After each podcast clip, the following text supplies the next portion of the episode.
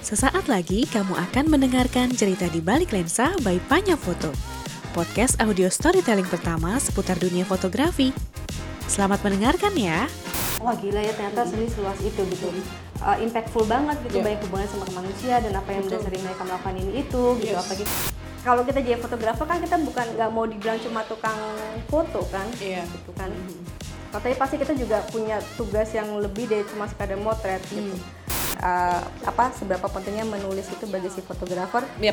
penting banget pertama uh, itu aku baru pikir pertama uh, gini ketika si fotografer mau mengembangkan dirinya dalam artian dia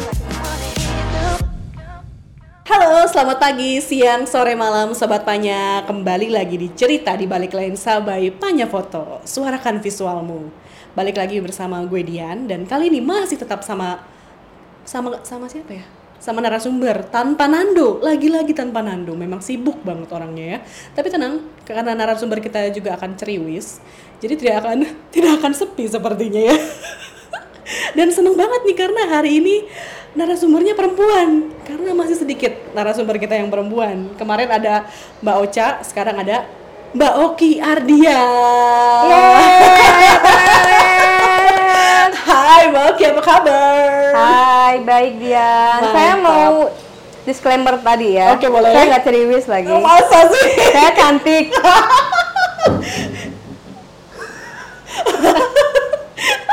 Kita lihat ya apakah benar dia tidak cerewet, pantengin terus Enggak, podcast benar. episode kali ini. Oke, Kak Oki ini sobat Panya pasti tahu lah ya siapa Kak Oki. Dia itu pernah menjadi mentor ya, mentor di PY PFT, mentor tulis di PFT dan PYP. Kemudian juga pasti eksis banget di Panya ya sebagai salah satu fotografer perempuan yang cetar membahana lah ya karyanya kita tahu semua itu. Tapi di balik karya fotonya lebih tegas menurut aku Kak Oki itu identitasnya cie. Identitas dia adalah seorang penulis dan juga penerjemah. Mari kita kulik di sana. Pentingnya teks bagi seorang fotografer. Cie, by Oki Ardia.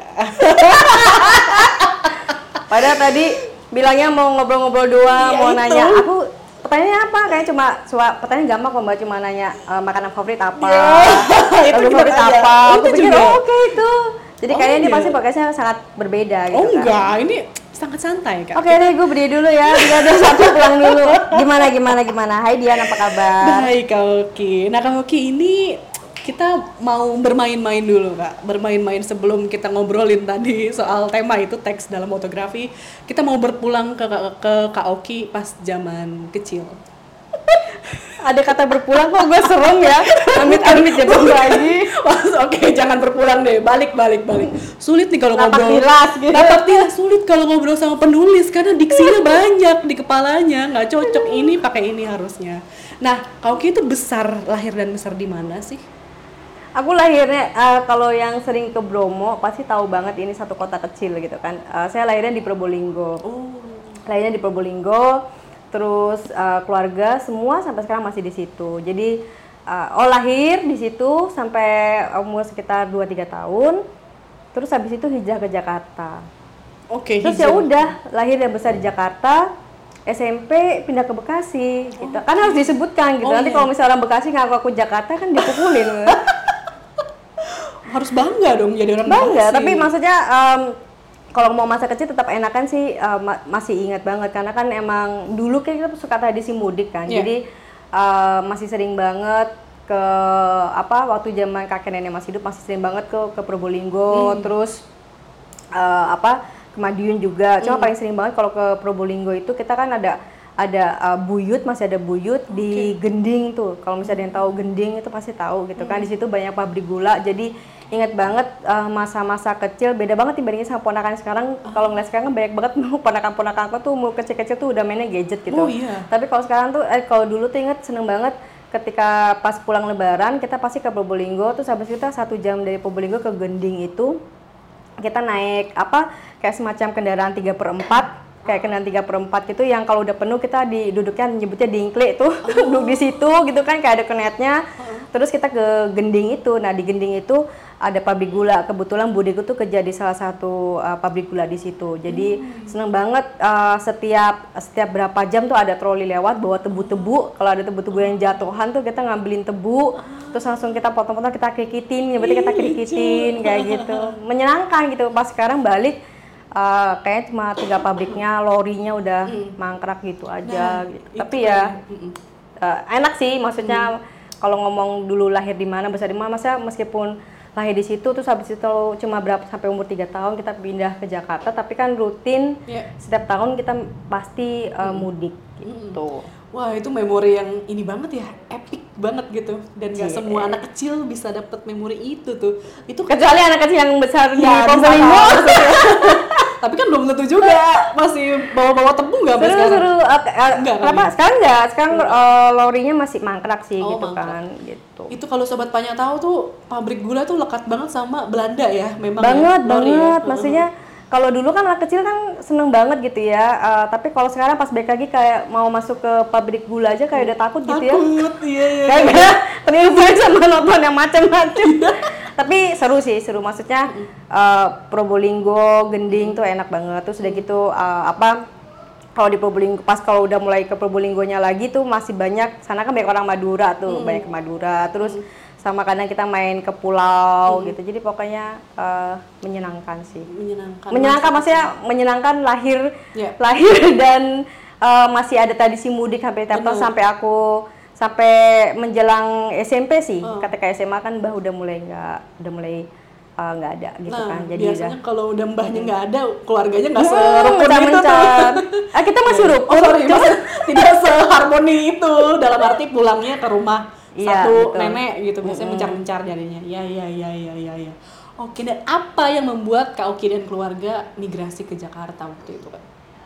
eh, mencari penghidupan yang lebih baik Oh, Oke. Ya. Jadi sempat bapakku tuh pindah, ah, bapakku tuh kerja di apa? eh dulu bapakku tuh kerja di Pelni gitu. Oh, oke. Jadi lekat dulu waktu kecil juga sering diajak ke pelabuhan. Ih, asik banget. Pelabuhan Probolinggo juga ada pelabuhan ya kalau nggak salah kan Probolinggo gitu. Terus ya udah, bapakku kerja di Jakarta. Ketika udah sempat kepisah berapa tahun, pas udah nemu udah kira-kira bapakku settle, terus udah kita sekolah di Boyong. Hmm. Begitu ceritanya. Wow, mantap. Ke Jakarta, em, berarti kamu eh, SD, SMP, SMA di Jakarta? Kak? Iya, SD, Oh, SMP, oke. SMA Jakarta. Nah itu sudah mulai, aku mau melacak nih, kamu sudah mulai ada bibit-bibit mencintai visual itu ada nggak di rentang SD, Oh, SMP? tentu tidak. Oke, dulu dulu tuh aku uh, bukan karena uh, dulu kita bukan dari keluarga yang apa ya? uh, istilahnya kan dulu tuh nggak masih menengah ke bawah pada masa itu gitu kan. Jadi waktu kita pindah tuh kita inget banget uh, aku tuh masih keluarga yang kayak perantauan dan tinggalnya tuh sempat sempat tinggal di daerah Menteng aku lupa tapi itu memori itu jelas banget kita sempat tinggal di Menteng tapi di kayak di rusun gitu kan Oh, oke. di rumah di rusun terus kita pindah ke daerah Cililitan. Mm-mm. Em, itu tinggalnya di gang-gang rumah petak rumah petak gitu kan. Tapi waktu itu kalau memori visual sih enggak. Cuma waktu itu ibuku tuh udah sering nyuruh aku les nari. Jadi Oh, tuh dari aku oke. dari jadi waktu itu sejak kecil aku emang nari narinya nari Bali nari Oh, Jawa. begitu. Oke, justru malah perkenalan pertamanya tari ya. kalau ngomong soal sendinya lebih Iya. ke uh, uh, Oke. gitu sempat mentas di Taman Mini Wow. naik Trans Halim kalau ada yang tahu nih orang-orang. Jakarta Timur naik Trans Halim sama Oke. rombongan terus mentas ke Taman Mini Wih, gitu Itu Dulu, nah, mantap. dulu dari kecil sih dari kecil golden memory.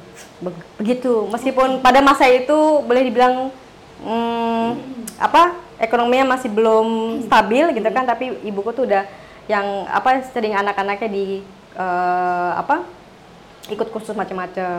Terus emang dari kecil dari kecil eh, di sana nah ini asiknya sih dia di daerah Cililitan tuh dulu di Gangga tuh dulu tuh eh, yang tukang keliling di sana tuh bukan cuma tukang roti. Jadi ada tukang keliling yang bawa buku. Jadi dia Oh, nyewain iya. buku. Iya, iya, iya, jadi iya, kayak iya, kayak iya. orang-orang kampung gitu kan. Dulu kan kita tinggal di kampung tuh di Cililitan tuh di gang-gang gitu kan. Jadi emang uh, ibuku tuh hobi uh, setiap uh, seminggu sekali. Jadi ada orang yang bawa buku uh, bawa buku dan itu nyewa-nyewain gitu kan. Jadi ibuku tuh dulu nyewanya tuh uh, ibuku kan emang dulu guru bahasa Indonesia. Jadi dia suka baca gitu kan. Oh. jadi ya itu yang dari dari situ tuh aku meskipun waktu itu nggak tahu cuma tahu ibuku tuh sering uh, nyewanya tuh kayak Margate, Oh, Mirawe, terus udah gitu uh, apa api di Bukit Menoreh.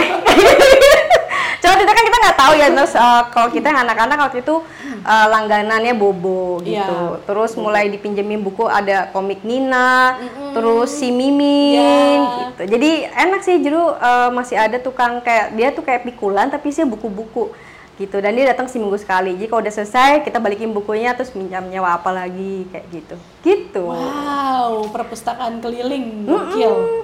Oh, berarti kenalannya sama tari, kemudian juga memang ada eh, apa ya? bibit literasi kamu bagus tuh karena ibu juga seorang guru bahasa gitu ya. Yang Kebetulan. memang kebetulan memfasilitasi kamu juga untuk banyak Iya, bacaan. gitu Bacaan. ya. Jadi emang dari Oke. kecil emang disuruh baca gitu. Jadi ketika dulu tetangga-tanggaku udah punya eh, dulu kan punya video gitu ya. eh, video player. Dulu karena kita masih nggak mampu, jadi kalau mau nonton video tuh kita main ke rumah tetangga yang paling kaya pada masa itu. Jadi nonton rame-rame gitu. Terus kalau misalnya eh, apa kadang nggak boleh nonton, eh, akhirnya itu ibuku kayaknya kayaknya anak-anakku suruh baca aja deh. Jadi itu. Jadi lebih banyak baca. Jadi suka banget baca. Pada masa itu ya bobo bacaannya terus ada majanina terus eh, ya itu tadi siapa? Mimin ya? Mimin terus eh, Alternatif. mm-mm, terus lama-lama berkembang di bacaannya. Bacaan Enid Blyton dikenalin terus Mallory Towers Iya. kalau misalnya ada yang inget kayak gitu.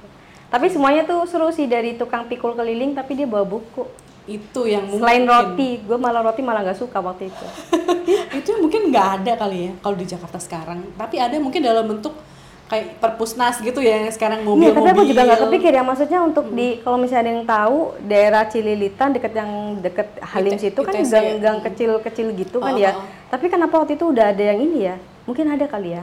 Dan itu tuh emang si tukang yang bawa buku itu tuh ini apa emang keluar masuk kampung gitu. Oke, Wal- Dia dia dat- uh-uh. pahlawan itu dia. Iya, semestinya ya. Mungkin udah, tapi aku nggak ngeh. Pahlawan yang berkontribusi sama Kauki yang hari ini. Iya. Kurang lebihnya. Kurang lebihnya dong.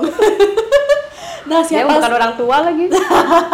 Nah, siapa sangka nih Kak Oki yang kecilnya seneng akhirnya seneng nari dan membaca banyak buku gitu ya, apa pun genre-nya. Kemudian kita loncat nih Kak, loncat eh, sorry, aku confirm lagi nih Kak. Berarti kamu belum ada nih sama sekali eh, bibit-bibit fotografi kan ya? Sampai SMA belum ada. nggak ada cuma Nggak ada. bapakku aja motret eh, bapakku kan ibu motret pakai yang kamera film dulu kan ya Oh, jadi oke. sekarang tuh kalau misalnya apa koleksi foto-foto itu masih banyak banget gitu Oke. jadi makanya masih inget banget masih ada foto yang waktu aku sama kakakku sering diajak bapakku uh, nemenin kerja di Tanjung Priok gitu kan aku ih, sama kakakku tuh beda setahun kan jadi bener-bener disangka karena kembar dengan potongan rambut ala Demi Moore tau gak sih kadang-kadang pertama gitu ya Iya. yang kayak poni ngebob Iya. pas segala macam baju sama celana sama terus ingat banget masih berdiri di belakang uh, apa kapal tanker, kontainer gitu-gitu foto-fotonya ada. Terus di situ langsung mulai, wih gila ya. Dan itu ternyata ternyata uh, berapa tahun kemudian berguna ketika gua ikut salah satu project, tapi itu nanti. Oke. Ketika salah satu project uh, sama Ubin. Oh, Oke. Ternyata itu ternyata jadi harta yang berguna. Harta yang berguna di masa depan. Ceritanya. Fotografi itu harta yang terpendam. Foto-foto, depan. ya, benar-benar. Oke, itu nanti kita Yes. masih panjang. Ini kita masih uh, ber- bergumul Oke, dengan terima kasih. Ini udah selesai belum? Ini kita masih bergumul dengan Kak Oki di masa sekolah. Eh, SD, nari, baca, SMA, kurang lebih juga gitu ya kak? SMA. Ya SMA bacaannya, nah ini SMA bacaan yang aku baca itu menentukan aku mau kuliah di mana. Nah, ini ini yang bikin mind blowing jurusan kuliahnya nih. Sobat Tanya harus tahu Kak Oki ini jurusan apa waktu kuliah. Ayo Kak. ketika itu sih udah emang ya itu kan dari bacaan SMP SMP tuh aku udah mulai baca Gone with the Wind gitu Oh kan jadi ketika pas di filmin itu langsung eh, langsung wow si si Red Butler yang aku baca ternyata sosoknya kayak gini. Padahal kan itu kan film ya rekaan Iya, ya uh-uh. kan du- bodoh aja aku pikir wah ternyata Red Butler yang kayak gini.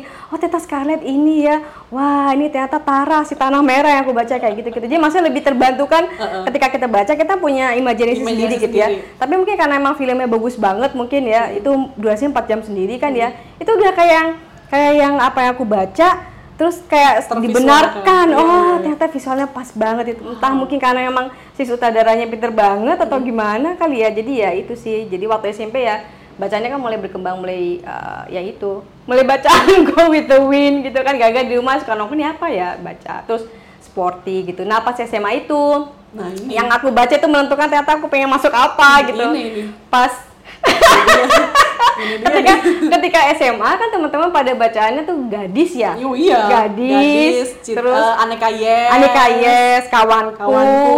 eh, Hai gitu. Hai. Mungkin kalau yang bacanya Hai pengen Lupus, jadi lupus. oh lupus mah selalu dibaca terus Oh lupus iya, gitu kan harus. ya. Heeh. Lupus Hi- Hilman Hari Wijaya almarhum, Almarhum, Hilman Hari Wijaya gitu kan. Ya, oh iya lupus tuh bener terus eh, sama golagong dulu Golagong. zaman-zaman itu kan. Betul, Golagong. Idola banget gitu. Eh, aku tuh bacaannya itu baca gitu kan, tapi yang memutuskan dulu tuh ibuku eh, hanya boleh langganan du- hanya boleh langganan dua eh satu satu satu majalah gitu Oke, kan. heeh. Eh, hanya boleh langganan satu eh, dua majalah dalam artian satu aku satu kakakku gitu Oke, kan. heeh. Terus ya ada kakak tuh kakakku tuh eh, gadis. Heeh. Jadi aku kadang-kadang nimbrung-nimbrung aja bacaan gadis gitu kan. Iya. Nah, aku tuh milihnya angkasa. Ah, ini dia. Sungguh Sebenarnya sudah. sebenarnya aku juga nggak tahu ya. Sungguh, Aku sungguh. lupa awalnya kenapa kena aku lupa awalnya kenapa tiba-tiba aku tertarik sama majalah angkasa gitu ya. Tapi kayaknya emang ini majalah beda banget. Jadi aku rutin majalah langganan Enggak, majalah sebelum angkasa. sebelum ke situ kamu nemu angkasa di mana gitu? Di perpustakaan, Oh, di perpustakaan sekolah. Oh, Oke. Kan eh, apa? Perpustakaan itu sebutnya tempat paling enak kalau kita bosen sama kelas ya. betul. Aku kan sekolahnya kan aku dari SD. Hmm. eh, dari SD sampai SMA tuh aku sekolahnya kan pendidikan Katolik Oh, gitu oke. kan. Heeh. Dan Ketat banget itu Iya gitu kan dan Iya. maksudnya kalau bisa bolos lari dari suster tuh rasanya menyenangkan Yes, gitu kan ya. yep. Tapi kalau mau kabur kan gerbang ditutup Iya, gitu. mungkin. Kantin ketahuan. Yes. Karena kalau suster atau enggak capsek kan kadang suka tahu nih kalau Yep. anak-anak suka madol istilahnya pasti ke daerah kantin atau apa. Jadi kalau mau madol ke situ gampang ketahuan gitu. Yep. Keluar gerbang satpam udah tahu gitu. Jadi paling enak sebetulnya kalau pengen madol terus pelajaran yang membosankan atau enggak kita mau kabur diem-diem perpus. Perpus yang yang paling jarang dicari gitu kan. Terus udah gitu juga kayak sepi gitu. Jadi ya sehingga perpus terus saya kan nemu itu Angkasa. ada eh, eh, majalah angkasa. Terus mulai tertarik terus mulai baca. Ya apa, udah. apa? Apa yang bikin kamu seorang anak SMA bisa tertarik majalah angkasa tuh apa gitu?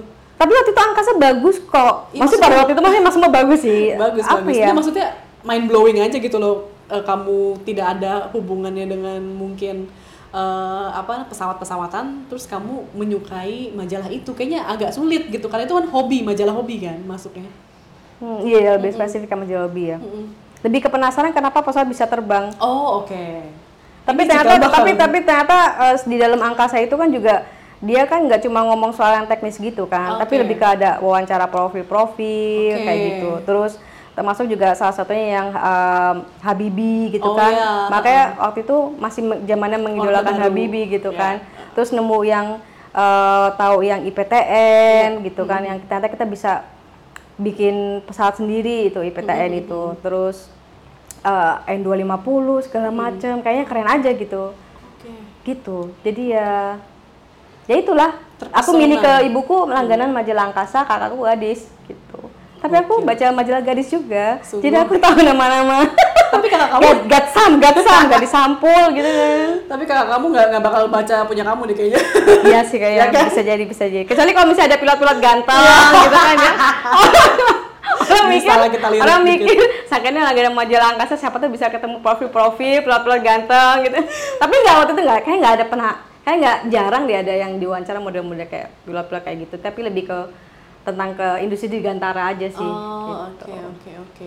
Gitu. Oke, nah berarti rasa penasaran itu juga ber- kamu sorry SMA-nya kamu ini ya IPA. iya Nah, itu ada korelasinya nggak tuh dengan fisika dan lain-lainnya? Ada, Ah, ada. Gimana tuh? apanya korelasinya ya dia kan jurusan ilmu pasti iya maksudnya kan si ilmu penerbangan ini si angkasa ini kan ngomongin alat Iya, maksudnya kan mesin-mesin. jadi akhirnya kan jadi tahu gitu kan ketika ketika kuliah tuh aku langsung tahu kayak eh, ketika SMA, Ah, ah, maksudnya SMA ketika dulu. SMA tuh langsung udah tahu pengen ambil jurusan apa gitu kan, ambil Oke. jurusan apa karena eh, dari hobi baca majalah angkasa itu jadi kayak semacam nyiapin diri dulu segala macam. Terus Oke. waktu itu pengen dulu tuh ketika em, ah, pas SMA pokoknya pengennya lulus aku mau kuliah lanjutin ke PLP Curug. PLP, sorry apa tuh Mbak? Cie, Nggak ini tahu. yang beda ini, yang- Nggak ini tahu. hanya hanya pendengar yang tahu yang seumuran Iya, aku. Dulu ada PLP. Curug, Sekolah Apa? Pendidikan Pilot gitu kan. Oh, Jadi yang punya negara, PLP Curug oke, gitu kan. oke, oke. PLP Curug sama satu lagi dari sekolah pilot ada yang swasta gitu kan. Tapi Oke. wah, aku ingat banget dulu kalau nggak salah mau masuk yang sekolah pilot itu ada yang uang semesternya cuma 10 juta. Sekarang ngomong cuma 10 juta ya, tapi pada itu mahal banget kan, Mahal bapak ibuku nggak mampu gitu kan. Terus pilihannya tuh sekarang lihat-lihat eh, harga-harganya pilihannya tuh kalau nggak PLP Curug, PLP Curug kalau nggak salah punya eh enggak koreksi aku mungkin takut salah kali ya. Kalau nggak salah punya eh, Kementerian Perhubungan ya kalau nggak salah. Oke. Jadi jadi seingatku setelah lulus di sana tuh langsung bisa jadi pi- eh, pilot apa sih? Pilot kayak kayak kayak jadi kayak punya negara institusi negara, Iya, aku uh, lupa uh, uh, deh. uh. Oke, oke. Pokoknya PLP Curug gitu. Ada ikatan dinas dia. Iya, iya. Jadi kayak semi militer juga kayak gitu kan PLP Curug. terus eh, terus aku pikir-pikir dari situ tuh jiwa-jiwa tidak mau terikat tuh udah mulai muncul. Gak enak banget ya kalau kayak gini harus kayak gini. Harus mengabdi gitu-gitu ya. Jiwa-jiwa tidak bisa mengabdi tuh udah mulai muncul Iya. gitu ya. Sudah mulai. Ada Terus kayak, aduh kayaknya terus udah gitu kalau ngeliat kok PLP Curug, aku lupa ya PLP Curug tuh udah terima perempuan atau belum gitu ya. Hmm. Aku lupa kayak pada masa itu kayak sama sama model mungkin udah kali ya kalau nggak salah udah Oh, yang oke. mirip-mirip zaman uh, tahun Nusantara dulu kan Oke. uh, cowok semua kan sekarang kan udah ada uh, perempuan kan Iya, betul, betul. berani menerima perempuan juga gitu. So aku lupa gitu. Terus uh, PLP Curug tuh dari perempuan atau enggak ya? Mungkin udah kali ya. Nah terus aku terus udah gitu aku ngeliat kok tesnya susah banget gitu ya banyak banget terus uh, semacam bawaan aku nggak yakin ya aku bisa lolos apa enggak ya. Terus udah gitu ada ikatan dinas sama segala macam kok aku mikirnya kok bakal rumit sekali gitu kan. Terus nyari ngelirik yang swasta. Uh, aku lupa gitu kalau nggak salah di Surabaya ada apa gitu lupa yang flying school aku lupa. Terus uh, kok mahal banget gitu kan. Uh, ingat mahal terus um, mikir orang tua kayak nggak enak hati gitu Iya. kan pilihannya. Terus akhirnya uh, yaudah deh karena emang juga masih jiwa-jiwa uh, masih berkaitan sama pesawat-pesawatan terus Iya. aku mulai nemu yang dari majalah angka- angkasa itu juga Oh, gitu oh, kan. oke. ada jurusan lain yang bisa mempelajari itu gitu namanya jurusan aeronautika Aeronautika. gitu. dulu pilihannya antara aeronautika atau metalurgi. Nah, tolong, tolong. Apa terus ya udah aku ambil ambil uh, itu aeronautika di Bandung Mind blowing kan sobat tanya, bayangkan Begitu. Oki Ardia yang kita kenal sebagai fotografer dan penerjemah dan penulis ternyata latar belakang pendidikannya adalah Aeronautika. aeronautika. Boom. aeronautika begitu deh terus ambil aeronautika Nah, itu kamu apa D3 ya? itu D3 Ah, di mana? itu di Akademi Aeronautika Bandung Oh, oke. Akademi Aeronautika Oke. Bandung dia jadi semi militer Oke. semi militer dan itu di dekatnya Lanut Hussein Sastra Negara. Ah, nggak tahu. Jadi jadi Pas, jadi pas, pas, pas. karena aku tahu itu gara-gara di angkasa itu ada bukaan apa kayak lowongan-lowongan. Jadi kan sana tuh banyak informasi kalau mau sekolah pilot gitu Oke, kan, lowongan oke. sekolah pilot terus mau lanjutin yang di eh, apa ilmu aeronautika segala macem. Jadi pilihannya kalau nggak salah aeronautika ada dua waktu itu ya masa pada masa aku ya Uh-huh. yang eh, PTN yang Universitas Negeri itu eh, jurusan aeronautika tuh hanya ada dua kalau nggak salah di UI sama ITB gitu kan. Oke. Terus aku kan karena kurang pintar ya. Kurang pinter tapi jurusannya kayak gitu. Enggak karena aku pilihannya pokoknya aeronautika. Waktu itu daftarnya pokoknya di UI sama ITB aeronautika sama metalurgi gitu kan. Aeronautika sama met- metalurgi sama tel- eh, aku dulu ngambilnya IPC satu lagi tuh aku lupa apa gitu ya terus aku lolosnya itu yang ketiga yang ilmu sosial Oke. salah juga nih mestinya sosial mah ambil aja gitu ya Ilmu sosialnya apa tuh yang kamu lolos? Kenapa? Ilmu ambil sosialnya. sosiologi kan. Oh, sosiologi, oke. kan kan kalau anak IPC dulu kan kemaruk ya. Kayak dulu kan ada IPC kan pilihannya kan. Jadi boleh ambil tiga tuh. Waktu Oke. dicantumin pas UMPTN Heeh. boleh ambil apa apa sama apa. Ada tiga pilihan IPC aku ingat banget. Terus ya udah aku lolosnya tuh yang sosiologi kan. Oke. tapi tetap karena pengen ngototnya antara aeronautika. Jadi nggak aku ambil. Pokoknya aku jadi aku ambilnya aeronautika. Nah terus akhirnya pilihannya aku pikir ya udahlah sambil nanti nunggu satu tahun lagi mau coba lagi yang di apa yang di PTN itu. Terus tapi aku pikir ah malas kelamaan sekaligus mau nyoba ah ke Bandung. Terus akhirnya nekat aja sama temenku berdua eh anterin gua dong gue mau daftar ke ini nih gitu kan. Terus kita berdua naik bus ke Bandung Prima Yasa. Terus nebeng tinggal di rumah kakaknya temenku kosan dia anak psikologi umpat inget banget gitu kan di Dago terus kita nebeng bertiga uol-uolan gitu. Terus gue sama temenku sama temenku tuh ke itu kampus gitu kan. Ke itu kampus mau ambil formulir gitu kan. Ini bapak ibu kok pakai aku lupa ya. Pokoknya aku bilangnya sama temanku mau ke Bandung gitu kan Tapi nggak tahu Iya mau kayaknya. Terus makanya kita udah baca pik-pik gitu ke Bandung. Terus sampai sana tuh sampai sana tuh kita kan biasa ya anak SMP gitu kan eh, anak SMA gitu kan kayak masih pakai baju bebas, Iya. celana jeans apa segala macam. terus gue gue inget banget, gue inget banget nih ini ini salah satu sahabatku sampai sekarang kita masih bersahabat sampai puluhan tahun gitu kan dari SMP sampai sekarang. Ini kalau kalau inget itu kita selalu ngakak gitu kan karena eh, karena waktu itu aku masuk ke ruangan ruangan administrasi ambil formulirnya terus aku lihat temanku nunggu di luar terus temanku dibentak-bentak jadi ternyata itu akademi aeronautika itu tuh kayak dia kan dia semi militer gitu kan jadi dibuat TNI AU gitu.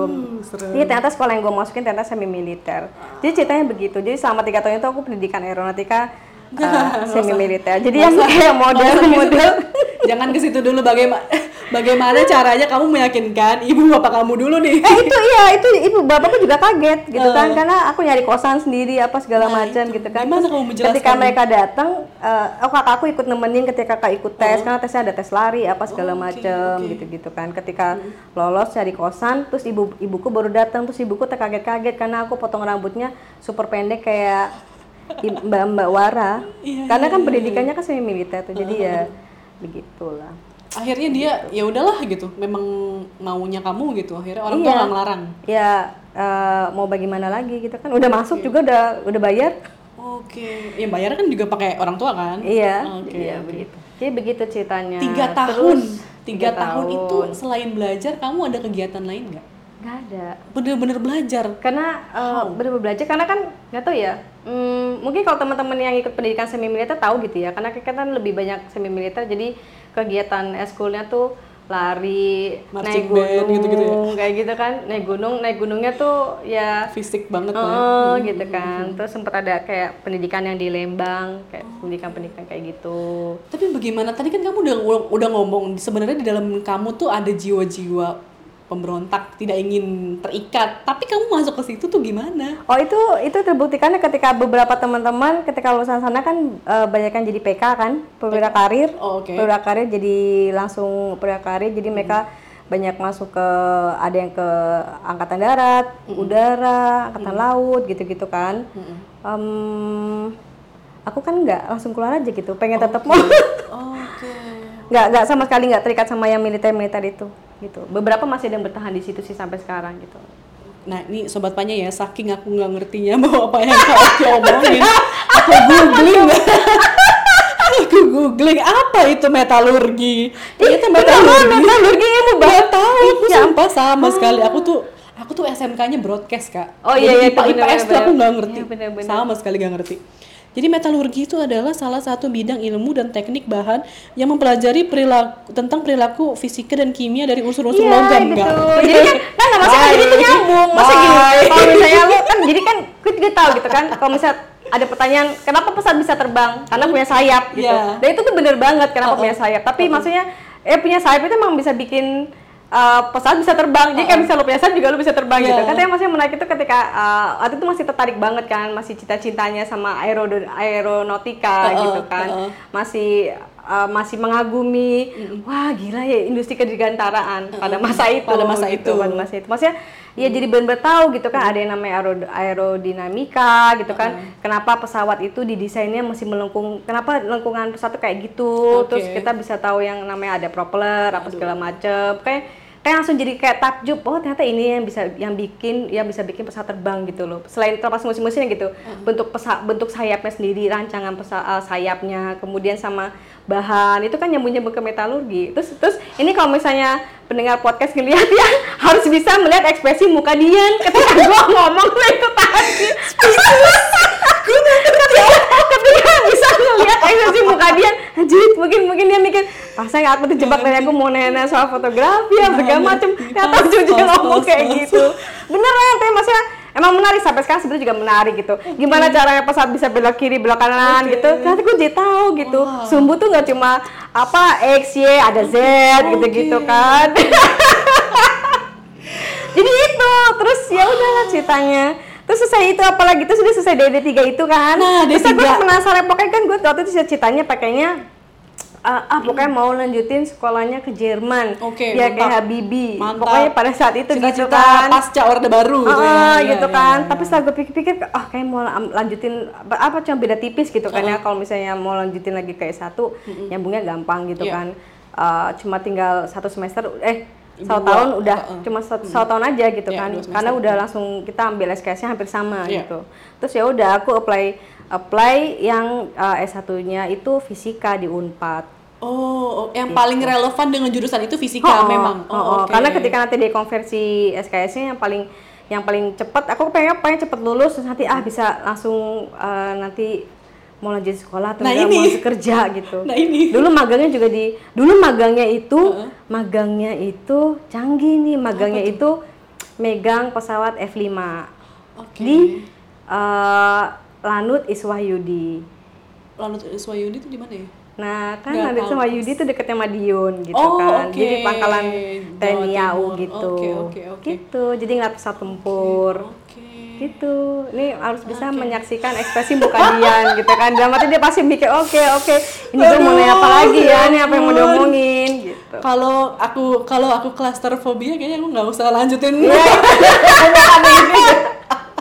Nggak kebayang. Jadi soalnya. gitu ceritanya Dian. nggak kebayang soalnya sobat tanya Kak Oki ternyata backgroundnya seperti itu wow terus kamu sorry S1 nah ini S1 ini kan mulai kamu ini ya ada apa eh, apa pertemuan-pertemuan kecil dengan dunia dunia-dunia yang lebih populer lah dibanding dunia Iya, kamu iya. yang tidak populer itu sorry Jahat banget ya. tidak populer di mataku sorry maksudnya itu itu eh, kamu ikutan UKM nggak? Atau ikutan diskusi atau ikutan klub-klub sesuatu? Kan biasanya satu kan ramai dengan UKM dan lain-lain.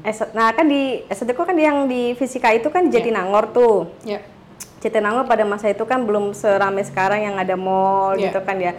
Yang kalau ke sana tuh mesti naik damri jauh gitu kan. Mau ngekos di sana gue mikir-mikir pindah kosan tapi kayak di sana dulu kalau kosan di Bandung kan aku di tengah kota tuh. Uh-uh. Tapi kalau kosan di kosan di Jatinangor nanti kalau mau pulang ke Jakarta kok kayaknya susah gitu kan. Mikirnya jauh mesti ke Bandung dulu apa segala macam. Jadi tetap ke ke eh, kuliahnya di Jatinangor, ngekosnya tetap di Bandung gitu kan. nah, terus eh, di Jatinangor itu eh, apa fisika kegiatannya kan paling ini ya mungkin sebetulnya ada kali ya cuma karena aku kayak terlalu sok-sok rajin belajar gitu karena kalau aku juga kebayang oh kebayang berarti kalau misalnya mau lanjutin uh, S2 mau ambil beasiswa berarti IP kan mesti dikejar kan Iya, gitu kan ya. betul. berarti mau ma- mau sesusah apa pun pokoknya IP-nya harus bagus dulu gitu. Betul. jadi ceritanya gitu pengen ngejar beasiswa yang ke Jerman biar kayak Habibie kan Oke. ceritanya gitu kan ya. Terus ya udah jadi aku kayak nggak ikut UKM apa-apa kalau apa tapi lebih ke banyak kalau ke Jatinangor kita ada lab kan gitu, Uh-uh. lab kayak eh, apa banyak praktek-praktek fisika kan lebih kayak lempar-lempar dadu perbandingan-perbandingan kayak gitu, atau eks- eksperimen-eksperimen ini itu. Terus sampai di satu masa yang eh, mulai merasa kok agak bosen gitu ya. akhirnya ini ya betul-betul sahabat tanya Agak bosen. kapan kamu terus bosen dengan dunia aneh ini banget. ceweknya, ceweknya tuh cuma, ceweknya cuma lima orang kalau nggak salah deh, ceweknya cuma lima orang. Terus em, pas mulai bosen, pas mulai bosen tuh sering nongkrong-nongkrong ke tempat-tempat lain gitu ya. Akhirnya, nah di bawahnya yes. itu kampus fisi, eh, kampus MIPA, Uh-uh. fisika kan di bawah MIPA tuh F MIPA. iya, Di bawahnya F MIPA itu deket banget tuh sama sastra. Nah, ini. Cie, Ini. cie, yang akhirnya aku satu bisa nyambung, bisa nyambung dengan Galkis setelah Terus, perbincangan ya kita yang teknik-teknik itu aku tidak Kita mengerti balik lagi ke teknik lagi. jangan dong jangan dong tolong. Terus ya udah sering nongkrong kan enggak sering nongkrong tuh aku lebih ke sendiri sih karena uh, beberapa teman-teman kan kayaknya mungkin punya kesibukan lain gitu kan ya. Kalau geofisika tuh lebih menarik ketika ngeliat ih gila kan waktu itu kan fisikanya kan fisika fisika kan bukan yang geofisika kayak fisika terapan sama yang fisika ilmu pasti gitu kan. Jadi kayak uh, kalau geofisika tuh dia pas- pasti banyak melakukan perjalanan kan. Kalau nggak salah sih ingatku di anak-anak geofisika tuh sering ke mana yang bebatuan Oh, bebatuan gitu geofisika kan. itu campuran Oh, geografi dan fisika. Iya, Oh, jadi kan oke. banyak banyak travelingnya gitu-gitu kan. seru juga ya. Nah kalau fisika enggak. Iya udah di lab Jadi ya. ingatnya Stephen Hawking ya. Tapi Stephen Hawking tuh sukses keren dia. Sukses sih. sukses Terus em, ya udah itu kan dengan theory of everything-nya itu. Yep. Ini kita membahas fisika aja Jangan, seru. udah akan, akan ketemu kuantum. Cukup. Tapi tapi satu yang gue pelajari itu adalah kenapa kita bisa nemu E sama dengan MC kuadrat itu kalau nggak salah inget banget ya, sama dosenku ya. ternyata itu butuh tiga papan. Bawa tiga papan dihapus kan dulu masih papan tulis ya setelah tiga papan tuh baru ketemu oh ternyata kayak ketemu oh itu ya asal muasal E sama dengan MC kuadrat gitu Krik krik krik. krik. Tolong back sound suara Tuh jantung. kan tolong, itu aja tolong. boleh dengerin itu gimana pas kita pelajarannya gitu Aduh, kan ya mati lah aku pusing banget terus ya udah itu balik lagi tuh karena Oke. FMIPA tuh bawahnya tuh deket Bosen, sastra ya kan? bawahnya kan sastra itu kan Nah. MIPA tuh agak ke atas aku inget banget deh Iya. kalau misalnya di kampus Unpad Yap. itu begitu gerbang pertama masuk yang yang paling kelihatan menonjol itu kan eh, apa yang depan itu kalau nggak salah kedokteran gitu-gitu kan yang yang bergengsi dulu Yap. terus eh, sama apa kok aku lupa ya yang paling depan itu apa ya ya pokoknya itulah Ekonomi, FIA, FE, FE. Iya kayak FE tuh sama yang eh, apa HI HI jurusan-jurusan kayak gitu lah. Visip ya. Oh, eh, Visip ya benar yang paling depan tuh Visip kayak gitu-gitu dia populer. Kalau ada MIPA, pertanian, Fapet, peternakan gitu-gitu udah paling belakang-belakang gitu kan. Terus ya udah sering nongkrong ke bawah ke Fakultas Sastra, terus sering nom apa eh, main-main ke nah itu lagi Nah. coba lihat lihat perpustakaan yang mereka itu Oke. kan kalau eh, lo masuk ke perpustakaan itu bacanya apa sih Yes. perpustakaan kantor aja kantor apa atau perpustakaan kementerian apa kita bisa lihat koleksi-koleksinya Bener, gitu gitu kan jadi kita bener. bisa lihat tuh terus yang paling dituju pertama itu eh, apa perpusnya Fakultas Sastra terus Oke. ya itu tuh mulai eh, wah inget lagi ke masa lalu Iya, yang bapak-bapak bawa gendong-gendong tas masa itu. gendong-gendong terus masa-masa waktu uh, SMP kalau SMA kan bacanya angkasa Iya, itu. masa-masa SMP waktu masa-masa Mallory Towers terus udah gitu ingat uh, ibuku tuh sering beliin uh, beberapa buku biografi. Dulu Oke. tuh sering banget beliin buku bio- biografinya Abdurrahman Wahid Oke. terus sampai sampai sampai ibuku nggak tahu anak ini anak gue ngerti apa kagak? gitu kan. Tapi kita rutin dulu tuh masih banget. Dulu tuh rutin kita tuh selalu jalan-jalannya itu ke dulu tuh aku em, sekolahnya tuh di daerah Matraman. Ya, sekolah Katolik di daerah Matraman.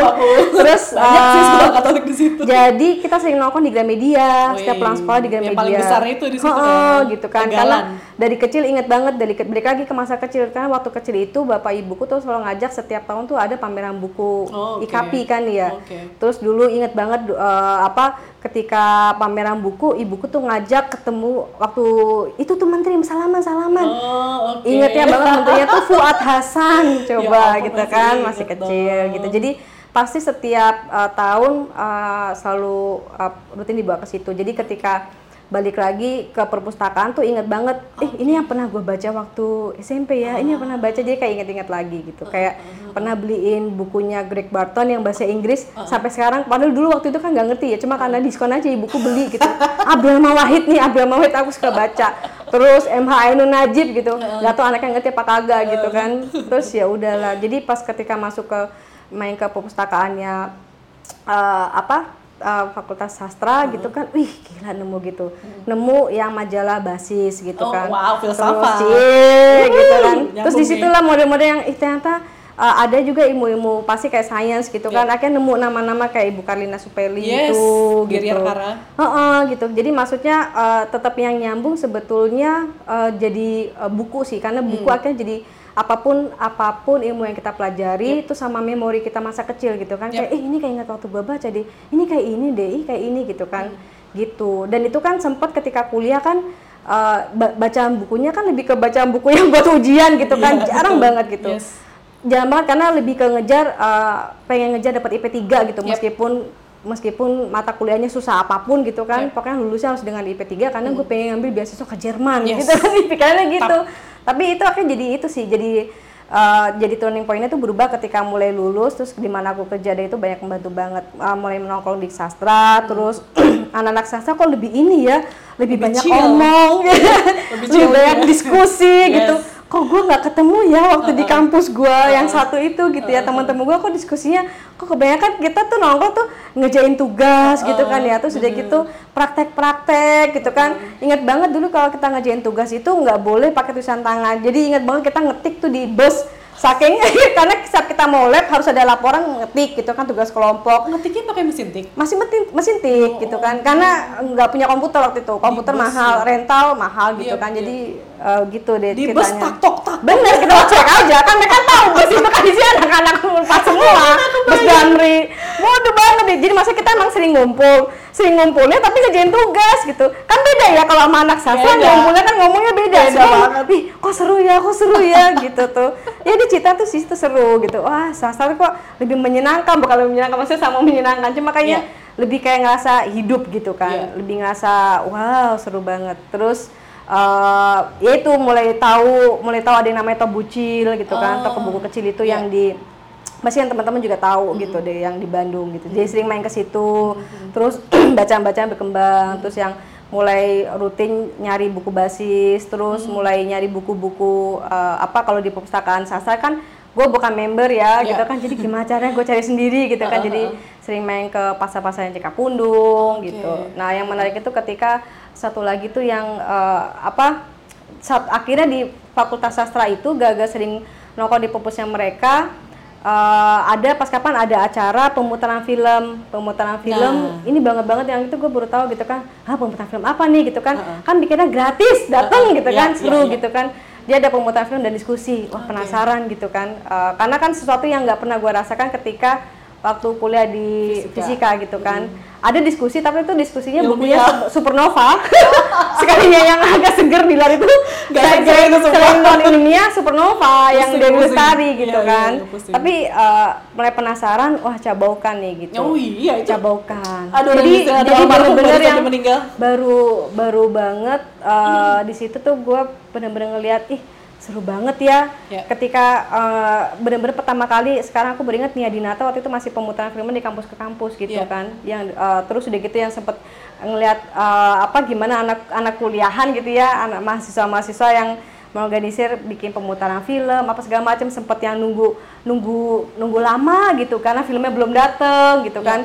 Terus ketika ada pemutaran film uh, ada diskusinya terus baru tahu ih gila langsung uh, apa kagum sama sosok Remi Silado terus Oh, mulai iya. beli buku-bukunya gara-gara Wow. kagumnya tuh karena dia semua wow ini orang siapa ya serba putih semua jenggotnya putih betul. bajunya putih, putih. kemejanya putih sepatunya, Sepatunya putih, putih. gitu kan terus gue mulai penasaran gitu kan karena kan kok bisa ya uh, dari buku uh, apa maksudnya kan dulu kan tahu tuh ada yang apa uh, Gone with the Wind gitu kan tapi Iya. yang nggak kepikiran uh, buku buku Indonesia Yap. gitu loh maksudnya dan itu kan uh, cabaukan menurut aku kan sempat susah banget ini ya kayaknya terus Benar. mulai mulai cari tahu terus nonton filmnya ya udah jadi uh, mulai tertarik ke situ dengan film terus akhirnya semenjak itu tuh uh, selalu nongkrong di Fakultas Sastra terus banyak uh, mereka banyak muterin film-film dan, dan sering nonton gitu jadi nontonnya tuh kayak film yang Bad masih Oh, inget gak Bad itu ya. tuh 2002 kalau nggak Ya. salah yang Ine Febrianti Ya. gitu kan Bad Ine Febrianti sama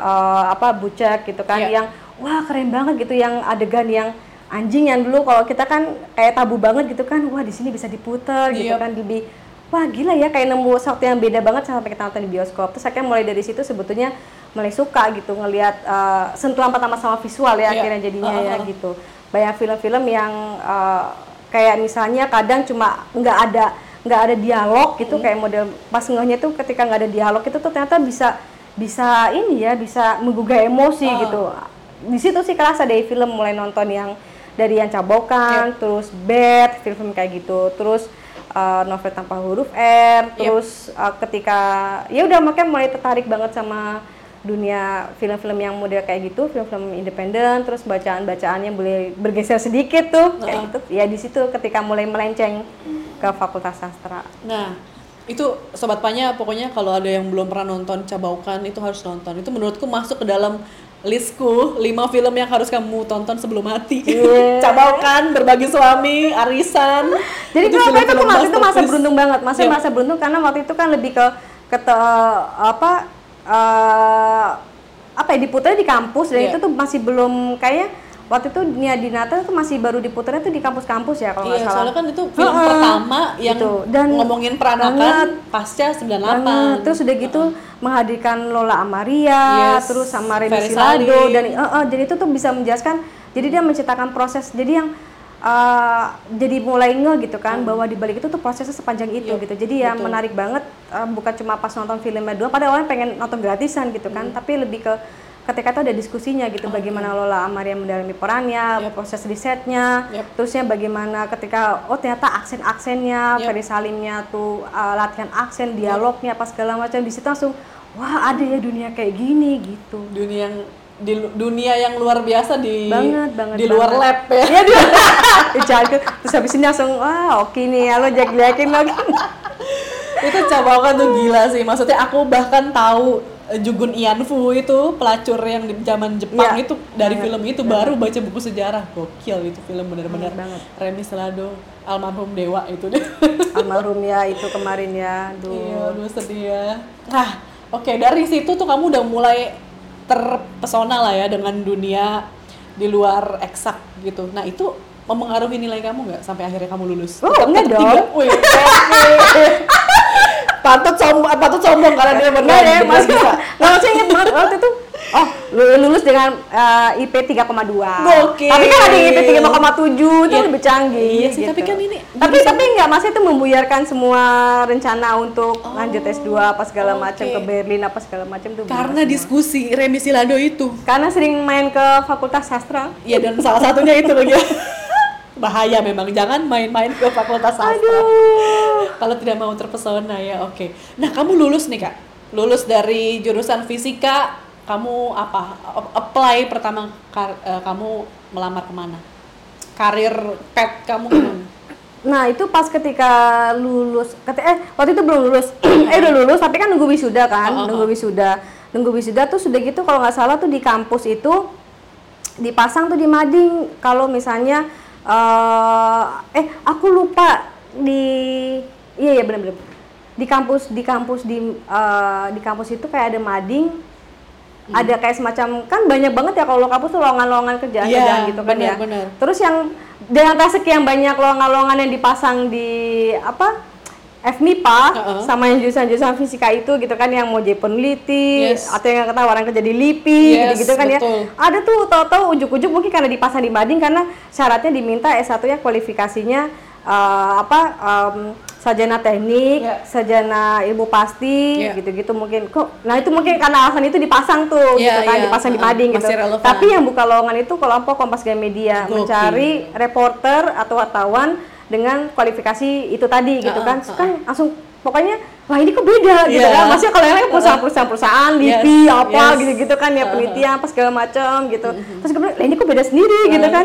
Nah, kok nyari reporter wartawan aneh banget dipasang di mading gitu kan. Tapi karena penasaran, eh tapi lihat dulu ah gitu kan. Ternyata mereka mintanya tuh eh, apa ya itu tadi kualifikasi Iya. itu langsung merasa pede gitu kan Yes. wah kayaknya IP-nya sesuai nih gitu Yes. kan IP sesuai eh, apa latar belakang sesuai gitu kan terus ya udah coba aja apply gitu kan terus suka menulis katanya gitu kan Yep. ya udah apply aja coba iseng gitu apply terus ya udah panggilan akhirnya pulang yang bikin pulang ke Jakarta kan ada panggilan itu doang gitu kan sambil oke. nunggu wisuda gitu panggilan terus waktu itu tes pertama eh, di disuruhnya ke Gunung Sonora. Yes, di Gedung Ga- Sonora. Gajah Mada. bener di Gajah Mada lantai 5 eh, Yep. eh lantai 5 lantai 3 ya? Aku lupa ya. Lantai lima, lantai Lantai lima, lima Sonora. gitu kan. Terus eh, ya udah waktu itu tesnya itu em, ternyata aku botol yang sekarang itu yang manggil itu yang ngasih tes pertama itu yang inter- kita langsung masuk terus interview. Interview dulu tuh interview oh namanya siapa? Perkenalan. Aku ingat banget yang interview ternyata pemretnya sama wapemretnya gitu kan. Oh, terus aku masih duduk-duduk biasa gitu kan pikir "Ini orang ini siapa gitu kan. tapi tapi kok mereka uh, yang satu tuh cuma pakai kulot pakai kaos. Kan dia beda ya. Kok interview kan kayak begini gitu kan ya? Satu pakai kulot pakai kaos gitu kan botak gitu kan. Emang tipikal wartawan kali ya. Terus Yes. yang satu kaosan doang celana jeans gitu kan. Suka mulai bingung nih apa jangan salah gitu. Terus ya udah interview terus dica tanya dari mana latar belakangnya apa gitu kan. Oh ya udah terus udah gitu oke terus dikasih tugas dikasih tugas nulis gitu kan. Oke. dikasih tugas nulis uh, spesifik dua nulis Oke. ini sama nulis ini gitu kan. Terus sama satu lagi satu lagi yang pertama kamu harus liputan Oh, oh. uh, tentang ini gitu. Dan kamu tulis hasil liputan kamu apa. Terus yang satu lagi tulisan kayak semacam esai gitu kan. Oke. temanya tentang uh, ada dikasih tema gitu. Oke. terus harus dikumpulin sebelum jam 3 ya udah silakan ya diam dulu terus gue nanya gitu. Terus nanti ngetiknya di mana mas? Kan gitu kan nggak boleh terus nanti kalau kayak gitu ngetiknya di mana mas? Ya terserah di mana aja. Tapi gue ingat saya yang, yang jawab ternyata pemretnya ya. Terserah di mana aja. Yang penting jangan di ruangan kita jangan di kantor kita. Kamu ngetik di mana cari kek. Gitu kan ya.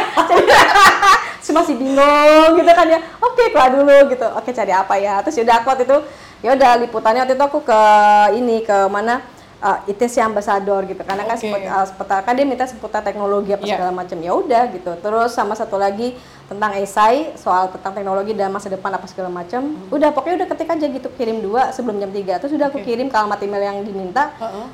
Ya udah liputan-liputan biasa, wawancara orang apa segala macam kayak gitu. Em, dengan berbekal yang aku pernah pelajari waktu nongkrong-nongkrong di tulis apa Di sastra. di sastra gitu Iya. kan kan ada model ada banyak banyak majalah kan pasti kan Iya. ada oh ini tulisan Iya. artikel kayak gini Uh-uh, oh kayak gini ngikutin doang waktu itu kan tanpa Oke. kesadaran terus ya udah oh kalau kayak gitu harus ada kutipan ah stopin Oke. orang nanya gitu gitu gitu oh kalau kalau kalau saya sih gitu gitu kan maksudnya kan itu yang nggak ditemukan waktu di Iya.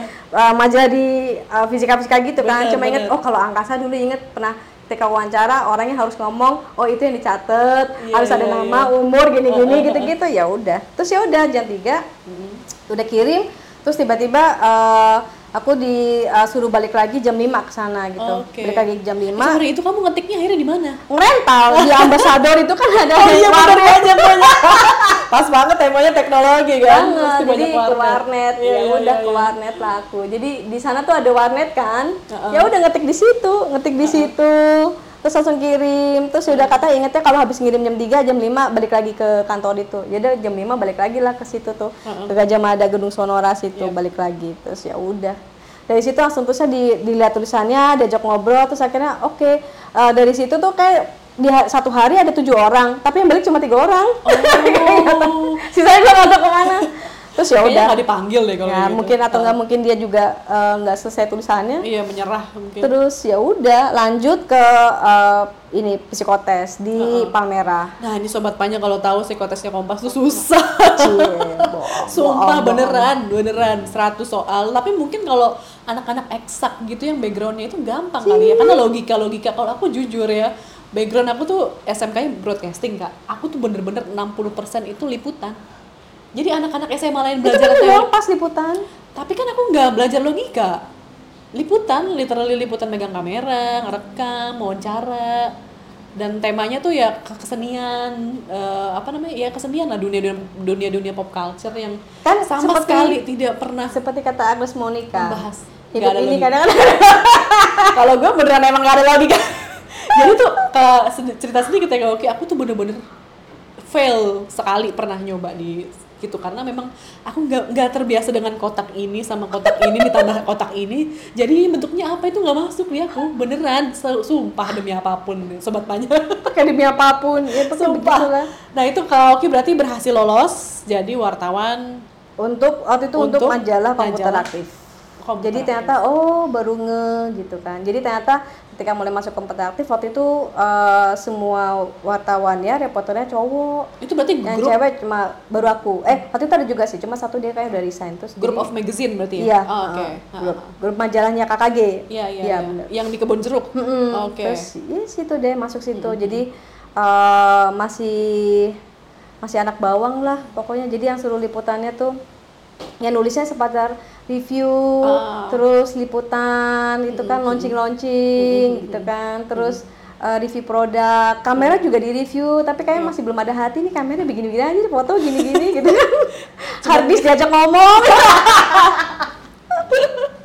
terus ya udah gitu. Terus tapi em, mulai mulai belajar ya itu di situ kan ketika mulai pelatihannya kan berarti kan ada tiga bulan gitu kan. Iya. jadi mulai eh, pelat diklatnya itu kan eh, apa nulis Uh-uh. juga gitu. Terus sama motret juga. Tapi motret kan lebih kebutuhan untuk karena kalau misalnya dulu tuh eh, dari ya ya dari banyak liputan wartawannya tujuh Iya. terus fotografi cuma satu gitu kan. Iya, jadi kalau misalnya gitu. oh, oh jadi kalau misalnya si eh si mas ini ke mana? Lagi liputan sama si ini gitu kan. Berarti Iya. kan mau nggak mau ya udah aku pinjam kameranya aja kamera pocket berarti kan itu jadi ya ada belajar eh, lebih belajarnya lebih ke basic aja Hmm, belum ada cahaya ilahi di belum situ ada, belum ada, gitu. Nah kebetulan tuh sudah gitu eh, apa eh, di majalah apa komputatif juga punya ada banyak majalah-majalah by product gitu Yes. kan majalah by product waktu itu aku bikin waktu itu aku dapat by produknya eh, create your own studio gitu kan Oke. studio foto sendiri bikin mini foto studio gitu tapi lebih ke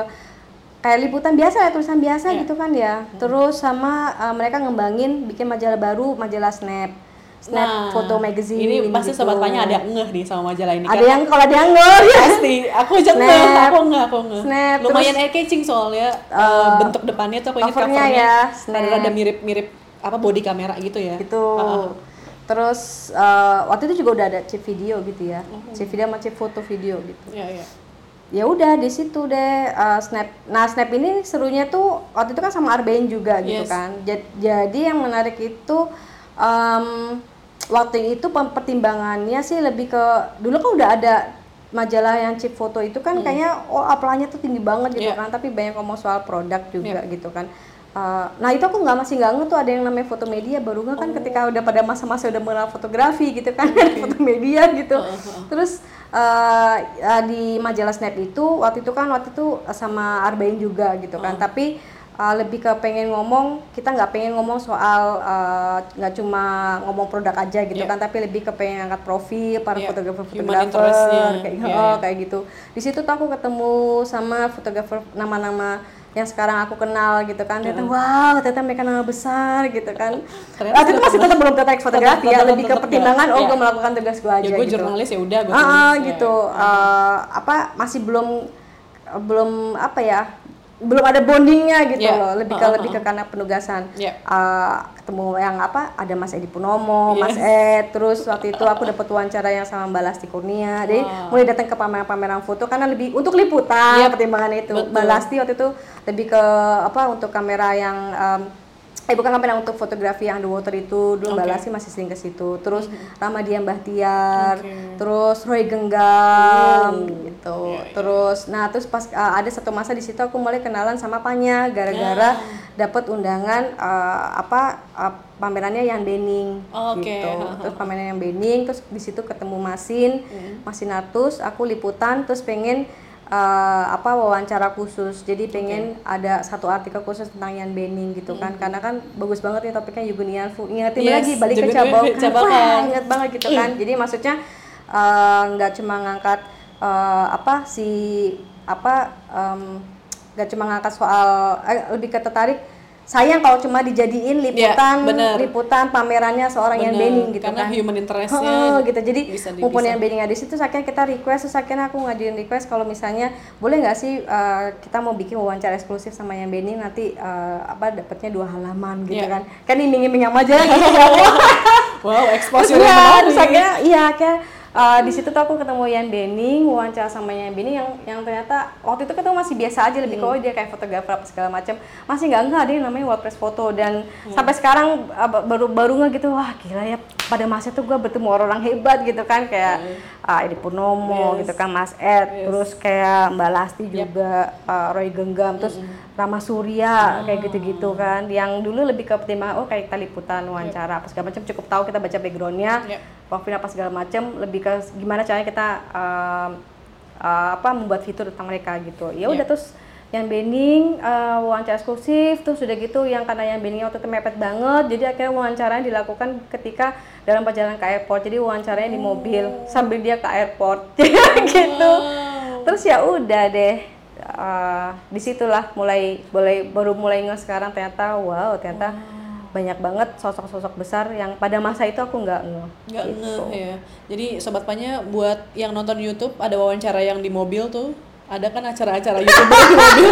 Mesinnya ya Masih ada. Mesinnya apa? Ternyata Kauki sudah melakukannya terlebih dahulu, guys. Mesinnya ada YouTube-nya gitu Harus ya ada YouTube-nya tuh sebenarnya. aduh Oke, ternyata eh, bahkan Kauki sudah terjun jadi jurnalis, bahkan membuat salah satu orang yang terlibat eh, di majalah fotografi, tapi tetap belum ada eh, panggilan jiwa, belum iya sepenuhnya belum ada. belum ada maksudnya mulai nggak nge maksudnya lebih ke eh, apa mulai kayak kayak baby step banget gitu Iya. fotografi eh, ini mulai baby stepnya lebih ke fotografi lebih kebutuhan pertama waktu itu diklat oh Iya. mulai kenal lah Ya ya, gitu ya, kan gitu. Eh, ya karena tugas berarti harus mulai bisa Iya. motret gini gini gini gini Uh-uh. oke gitu kan basic banget terus eh, mulai yang itu di apa masuk yang ke majalah snap gitu kan oh oke jadi dulu tuh berubah dulu ketika em, lebih ke masih nulis-nulis review, nulis liputan, Yep. terus wawancara, gitu-gitu. Terus ketika mulai masuk ke yang snap itu ternyata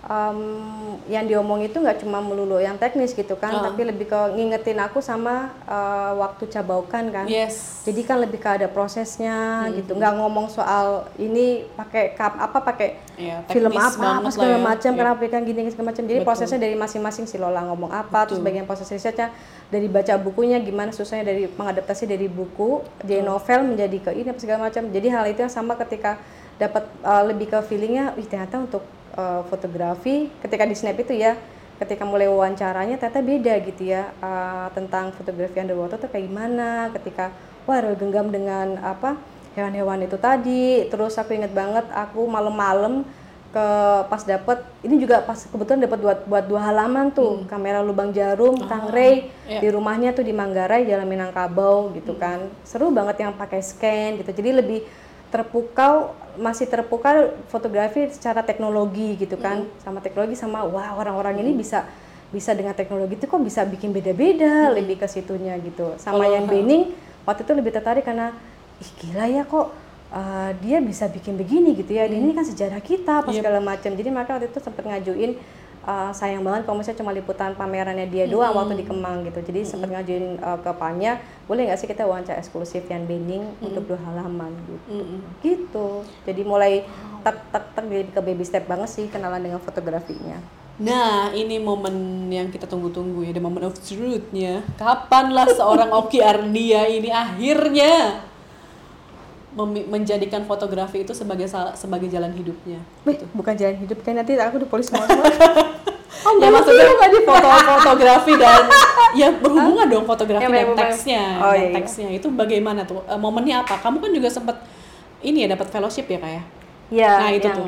Boleh tuh kita. Terus, nah ini balik lagi, pokoknya se- sebetulnya sebetulnya jadi eh, apa ya? um, nothing happens for a reason itu kan ya? Eh Iya. enggak, everything happens for a reason. For a reason. Everything happens for a reason. Jadi maksudnya beneran, maksudnya eh, makanya belajar apa yang kita temui, siapa yang kita temui, apa yang kita baca, gitu kan? Yep.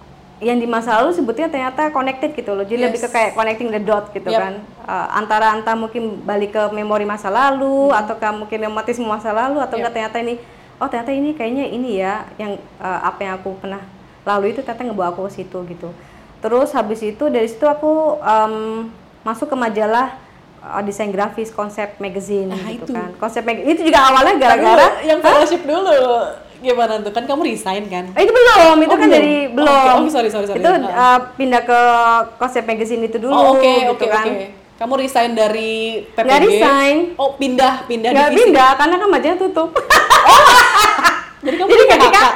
Jadi ketika nih ya ketika sekarang ketika majalah-majalah lain udah di ke- ini kalau jokesnya kita teman-teman di grup yang masih yang sama gitu ya. Heeh. ketika majalah-majalah lain udah tutup sekarang itu gitu ya kita tuh pelopor kita ini buat teman-teman ya. Pelopor. Ini dong gini. Ini kalau misalnya semua semua eh, yang para mantan alumni wartawan atau reporter kelompok kompas game media kalau misalnya pelopor majalah pelopor yang yang di layoff ini gue nih orang pertama pelopor generasi kita generasi pertama yang layoff jadi ketika masa-masa eh, di situ masa langsung tahu juga oh memang bener ya istilahnya lo jangan setia sama company itu itu Bener, bener, bener, bener. Jangan setia sama company dan jangan setia sama Lu setia sama profesi. Iya, pro- Jadi maksudnya di situ lo belajar jangan pernah setia sama perusahaan, bener. tapi lu setia sama profesi gitu Betul, kan. Di situ belajar betul, oh betul, begitu betul. ya. Jadi kalau misalnya ada yang merasakan korban PHK, eh gue pernah merasakan korban PHK gitu kan. Gue Jadi pionirnya nih. ini kita pionir. Jadi kalau misalnya ada yang tahu In bad uh, way, in the bad way. pionir ketika kelompok Kompas Game Media banyak nutup majalahnya, apalagi yang sekarang nih yang hot banget nih ada Bobo, Bobo. Junior gitu kan Bobo. ya. Eh, Sorry, Bobo Junior Bobo biasa Bobo beda ya? Junior, Beda ya? Bobo Junior beda. Emang ada yang senior? Enggak, tapi itu Bobo Junior aku juga bingung tapi kan ketika suatu pemberitahuannya ada kan ketika Tapi emang ada yang seniornya ya? Aku bingung. kenapa Ya, dibikin cuma satu kan juga baru tahu pada Bobo Junior gitu kan ketika sekarang ada Bobo Junior terus Nova gitu kan Iya. ya yang mulai Republika. itu Republika juga ini maaf ya teman-teman ini maaf kita bukan masa bercanda tapi kita bercandain, tapi eh, kenyataannya kenyataan gitu seperti itu. Dinamika lah ya, sejak kala media cetak. Betul. Ketika media cetak lagi kembang kempis gitu kan. kempis. Nah, itu kita sudah jadi pelopornya. Sudah pelopor duluan. Itu tahun 2000 2003 kok nggak salah ya? 2003 udah layoff 2003 udah layoff. Jadi kita udah mulai merasakan wah, ini berarti bisnis akan berubah ke arah digital nih gitu. Hmm, jadi kesadaran itu jadi kamu di layoff Di layoff. kemudian Terus aku kebetulan langsung eh, apa? udah kan kita karena di layoff itu ya. Terus aku ketawa. karena kita adalah unit pertama setelah generasi kan zamannya Yakob Utama tuh sumur umur kan nggak pernah ada layoff kan, Yes. Iya kan? Uh, uh, Dan kita adalah generasi pertama semuanya Gokil. follower, kita tuh pelopor. jadi jadi eh, gila bisa merasakan tuh ketika Femina Femina berapa tahun kemudian Allah, gue udah lewat. oh sudah duluan guys. Udah Sorry, lewat. sorry. eh jebolannya keren-keren itu ada ke kompas.com apa segala macam pokoknya keren-keren Cuma sebenarnya bukan di layoff cuma pindah medium. Tapi di situ banyak banget belajar oh begitu ya gitu kan maksudnya tetap eh, kecintaan itu tetap ada Ya. gitu. Setia sama profesi lebih Yap. penting daripada setia sama perusahaan. Betul sekali Gitu. sobat panjang itu juga pas kan ya dari ketika mau PLP curug mau apply Oh, iya, bener. ikatan dinas nih gitu. Bener, Vini Flintiran mau terdekat itu sebetulnya udah jadi cocok dengan profesi sekarang jadi freelancer. Bener itu cocok sekali jadi itu. itulah ya teman-teman yang membentuk saya jadi begini aeronautika luar Terus, biasa memang. nah itu tapi sempat eh, karena kita karena mungkin ya merasa bersalah ini baru terjadi dalam sejarah mereka layoff gitu kan ya seumur umur zamannya nyokap utama belum ada tapi ketika ganti manajemen yang baru kan kayak ada layoff gitu kan. Seumur umur masa mereka belum pernah ada layoff eh, ya udah akhirnya kita ada kalau nggak salah tiga bulan sebelumnya ketika orang lain satu bulan sebelumnya. Jadi di situ apa apply apply apply gitu kan. Terus inget banget nih balik lagi nih. Dulu kantorku tuh suka uh, perpusnya kan macam-macam langganannya Yes, bener. salah satu uh, teman apa uh, anak-anak yang apa ilustrator anak-anak desain grafis itu selalu langganan majalah konsep gitu. Oh, oke. Oh iya iya iya tahu jadi tahu. majalah desain grafis. Jadi keren banget gitu kan nggak cuma ngomong di masa desain aja gitu kan tapi mereka juga banyak interview sama desainer-desainer Yep. dengan uh, ngomong soal brand Yep. logo terus ma- masalah font. Yang aku mikir dulu tuh pas baca gila ini aja font aja jadi banyak banget sih cerita di balik itu mau bikin font aja gitu. Kelihatannya nggak penting banget oh ya. kan lebih terbuka sama ilustrasi gitu kan layout apa segala macam terus ya udah yang kepikir waktu itu, wih ada konsep Max nih lagi Heeh. buka lowongan, Nah, apply gitu ini ya udah dia. apply terus ya udah keterima. terima Ya tetap dengan waktu itu jadi editor. Terus ya udah. kayaknya nggak sulit lah kalau udah mantan jur- jurnalis kompas Ya, kayaknya nggak nggak sulit lah itu Nah ini juga sulit tahu. ya sulit lah maksudnya kan dengan coba bayangkan dengan background itu tadi aeronautika, tapi kan udah pernah jadi jurnalis kompas aeronautika.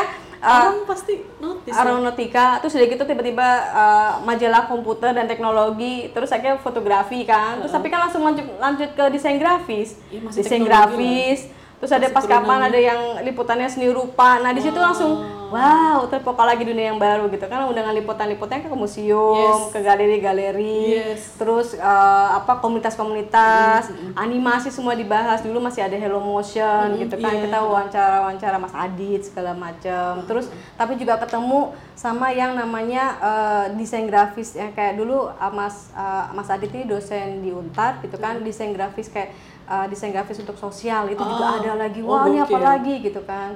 Terus bisa ketemu Sakmeister yang ngomong Oh. Uh, kalau mungkin ada yang tahu Sakmeister dia tuh desainer grafis tapi dia juga ternyata desainer grafisnya nggak cuma melulu soal estetika gitu kan tapi kayak semacam ada gerakan juga ada Oke, campaignnya iya, juga iya. dan terus juga ngomong soal logo ternyata ada filosofisnya di balik itu. Jadi lebih ke tertariknya ngingetin lagi ke masa-masa yang ketika gua nonton Cabokan itu tuh uh, nggak cuma filmnya aja yang cantik tapi pas selesai itu ternyata prosesnya sepanjang itu gitu loh. Yes. Uh, proses uh, apanya? Adaptasinya, Yep. kemudian proses uh, risetnya, kemudian oh perjalanannya sepanjang itu dengan yang kita tonton cuma durasi berapa menit itu Iya, gitu. Nah, satu jadi sama jam aku sampai inget loh kak Cabokan itu satu jam 51 satu. Jam lima menit dan itu sempat 51 ada sempat ada sus apa uh, ada apa ya uh, kon- apa konflik batin juga kan ketika Iya. mau masuk ke 21 kan Yes. karena harus dipotong gitu Betul, tadi gitu. banyak jadi ya sensor. banyak heeh, gitu. Jadi yang lebih ke mau ngomong soal durasi apa segala macam sama juga ketika ngomong soal uh, karya kan jadi baru ngeh ketika mulai di konsep itu.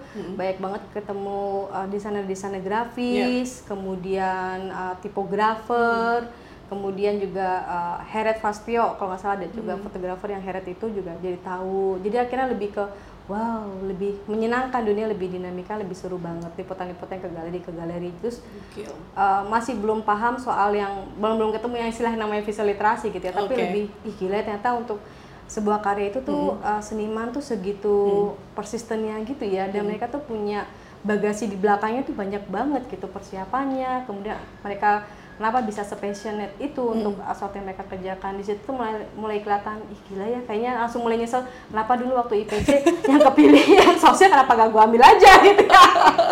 Kenapa tetap kekeh pokoknya mau ke situ ke situ gitu. Tapi ya menyenangkan. Terus sampai di titik yang em, apa kayaknya mulai ngerasa mulai bosen. Hmm.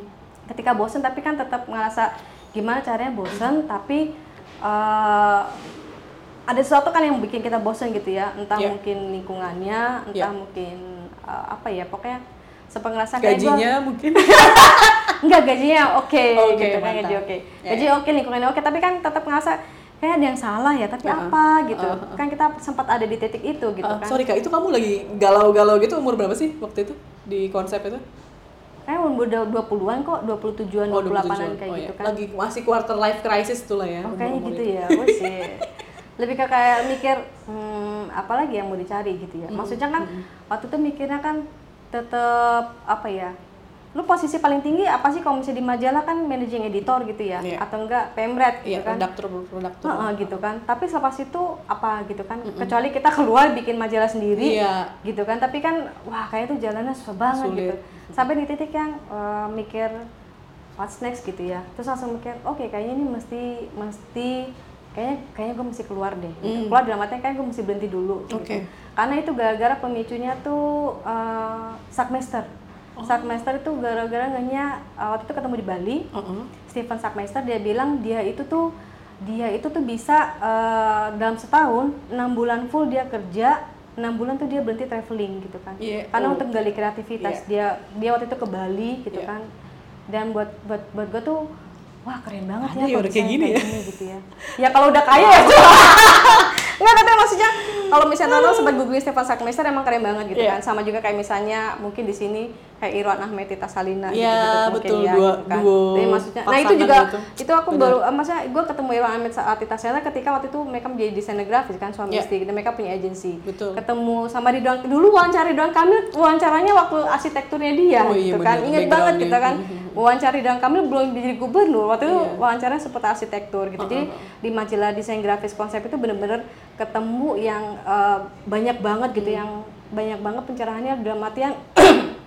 wah gila ya ternyata Hmm. seni seluas itu gitu dan eh, apa eh, impactful banget gitu Yeah. banyak hubungan sama ke manusia dan apa yang Betul. mendasari mereka melakukan ini itu gitu Yes. apalagi kalau udah ngomong soal yang uh, ketemu yang desain grafis uh, for sosial itu Ya. yang gerakan-gerakan kayak itu Betul, gitu kan terus yang ketika eh bikin poster aja lu punya campaign pesan apa gitu Ya. kan pikir taunya bikin poster poster doang Yes, gitu kan bener-bener. jadi ya banyak banget itu menginfluence gue untuk jadi mikir dua kali gitu ya Heeh. oh iya ya gitu maksudnya ada satu masa orang nggak bisa terus-terusan bekerja gitu Eh, emang lu mesti berhenti dulu gitu kan entah mungkin lu ambil jarak atau Iya. jeda atau apa terus ya itulah ketika sampai di titik yang kayaknya lagi stuck gitu kan ini apa lagi yang mau gue cari gitu ya kalau misalnya nanti diterusin pasti akan benci sama profesi yang kita lakukan gitu Betul. intinya kan sebetulnya nggak ada yang salah dengan profesi kita gitu Benar. mungkin bisa jadi kita nyanta lagi stuck kitanya lagi bosen atau enggak mungkin kita lagi galau atau Uh-uh. lagi apa gitu kan Yes. tapi uh, kalau kalau gue sih lebih ngejaga hmm, ngejaga jangan sampai apa apa yang gue lakukan itu jadi membuat gue membenci apa yang gue kerjakan gitu. Bener, bener, kayak bener, misalnya nanti bener. dia takut dia toxic gitu kan Iya. sementara kita masih cinta sama profesi ini gitu. Jadi gue pikir oh oke berarti cara terbaik adalah ngikutin nih kayak Stephen Sackmeister gitu.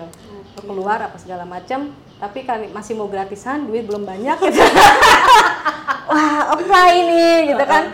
Apply terus ya udah iseng-iseng apply pengennya jauh-jauh sekalian gitu. Jauh sekalian terus ya udah coba waktu itu eh, masih yang untuk ke creative writing Creative di writing. eh, salah satu universitas di Kanada Oke. Gitu Berarti kamu keluar dulu kan? Keluar dulu dari Resign. konsep. Iya, Resign dulu, terus resign. kamu dapat fellowship ke Kanada. Iya, gitu. Nah, ap- nah di Kanada itu penulisan, Creative writing. creative writing. Oke. Nah ini Masih aku belum ketemu fotografi, Pak kan nyesel juga kan ya? Masih belum, ini udah perjalanan kita udah jauh banget loh dari uh, kamu makan gigitin tebu awal sampai kamu ke Kanada ini belum nemu nih fotografinya nih, belum ada cahaya ilahi. Nah itu uh, mungkin dari uh, workshop itu pengen uh, nyambungin ke keahliannya Kak Oki yang sobat tanya juga pasti tahu ya. Tadi uh, di podcast sebelumnya Kak Ocha gitu kan suka nyinggung uh, kalau minta bantuan menulis atau menerjemahkan itu pasti Kak Oki. Nah, terus eh, apa namanya? Oki tuh bahasa Inggrisnya bisa terutama bahasa Inggris gitu ya kalau bahasa Indonesia Eh, aku belum pernah baca. ya, bahasa Inggrisnya tuh bisa senetif itu gitu loh. Itu kamu ada keter- ketertarikan apa sih dengan bahasa? Tadi dia selain ibu kamu memang guru kamu suka membaca kemudian ini kan bukan bahasa Indonesia ya, tapi bahasa Inggris. Itu gimana tuh? Mulanya kamu bisa em, pelan-pelan menjadi penerjemah.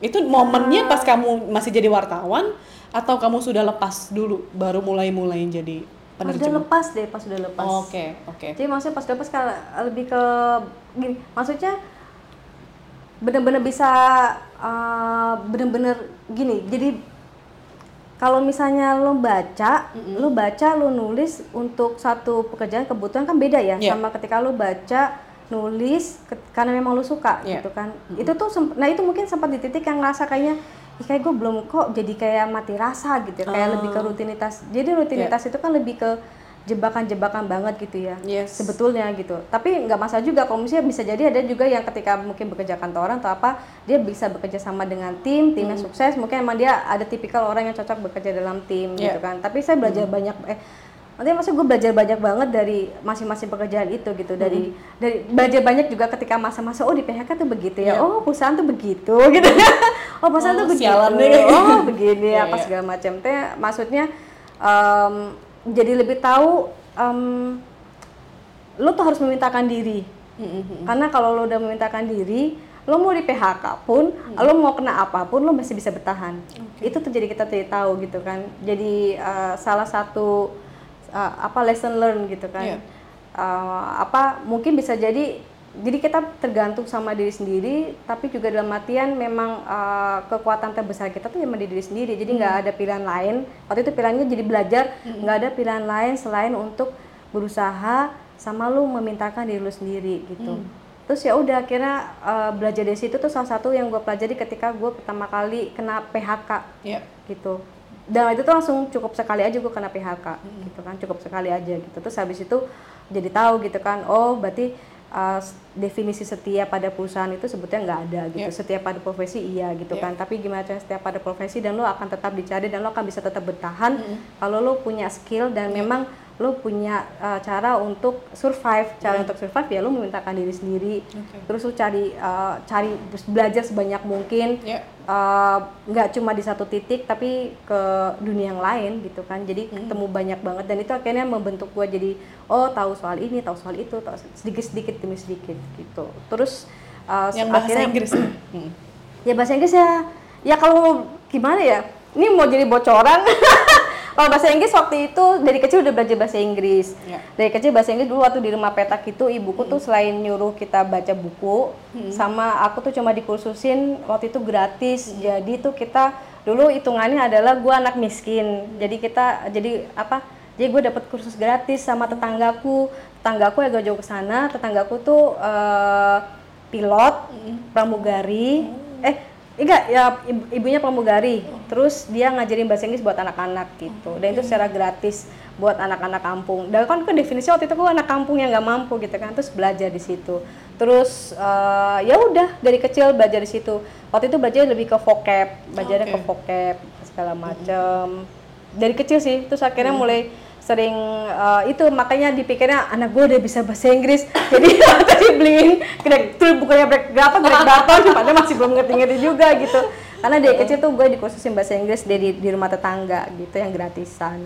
Dari situ Tuh, kemudian dari situ terus langsung eh, ya itulah mau ketemu yang Benny mau ketemu apa kan mau gambar kan salah satunya kan skill bahasa Inggris juga Udah gitu kamu sekolahnya juga SD sampai SMA di Katolik kan Iya, biasanya bahasa Katolik. Inggrisnya bagus Sekolah- tuh uh-uh. biasanya. Hmm. Terus uh, oh aku lupa nih ada yang ada yang kepotong Hmm. ketika um, apa ketika kuliah kamu kursus ah, kamu ikut kegiatan apa aja? Enggak, kan gue belajar mulu gitu Iya, kan. Tapi sama gue ambil kursus IELTS waktu Oh, itu. oke. Gitu. Jadi nyisihin dari uang tabungan gitu kan. Karena kan dulu uh, dikirimin uang saku sama orang tua gitu kan. Terus gue pokoknya kalau mau ngambil mau belajar bahasa Inggris harus belajar yang terbaik gitu kan. Iya. Terus sok-sok uh, itu sok-sok belajar di IF Banda Oh, di Bandung gitu kan jadi nyisihin uang tabu apa uang tabungan sama Iya. uang saku gitu terus belajar IELTS karena pikirannya waktu itu kan habis uh, S1 fisika gue mau lanjutin sekolah Di luar. di luar berarti kan kalau harus. oh harus ini. Jadi awalnya sih dari situ gitu. Kalau IELTS kan berarti kan ketika semua tem- mungkin beberapa teman belum belum ambilnya lebih banyak ke general gue ambilnya IELTS karena pikirannya gue mau sekolah keluar gitu. Ya udah akhirnya lebih ke situ sih terus eh, ketemu sama satu teman juga sama teman. Terus dia mempengaruhi gue untuk jadi freelancer. Lu pergi sekolah pergi sekolah aja lo gitu kan. Ternyata sekarang dia masuk kantoran. Terus gue dia freelancer dia masuk kantoran. Ada salah teman aku gitu kan. Namanya Maggie Tio Yakin gitu ya udah gitu. Jadi dia dia kalau dia ambil creative writing di Harvard. Wah gue kagum kagum gitu. Nah dari dia itu banyak ketemu yang banyak banyak eh, dikasih tahu soal buku-buku gitu kan. Creative writing itu apa. Terus eh, Granta magazine.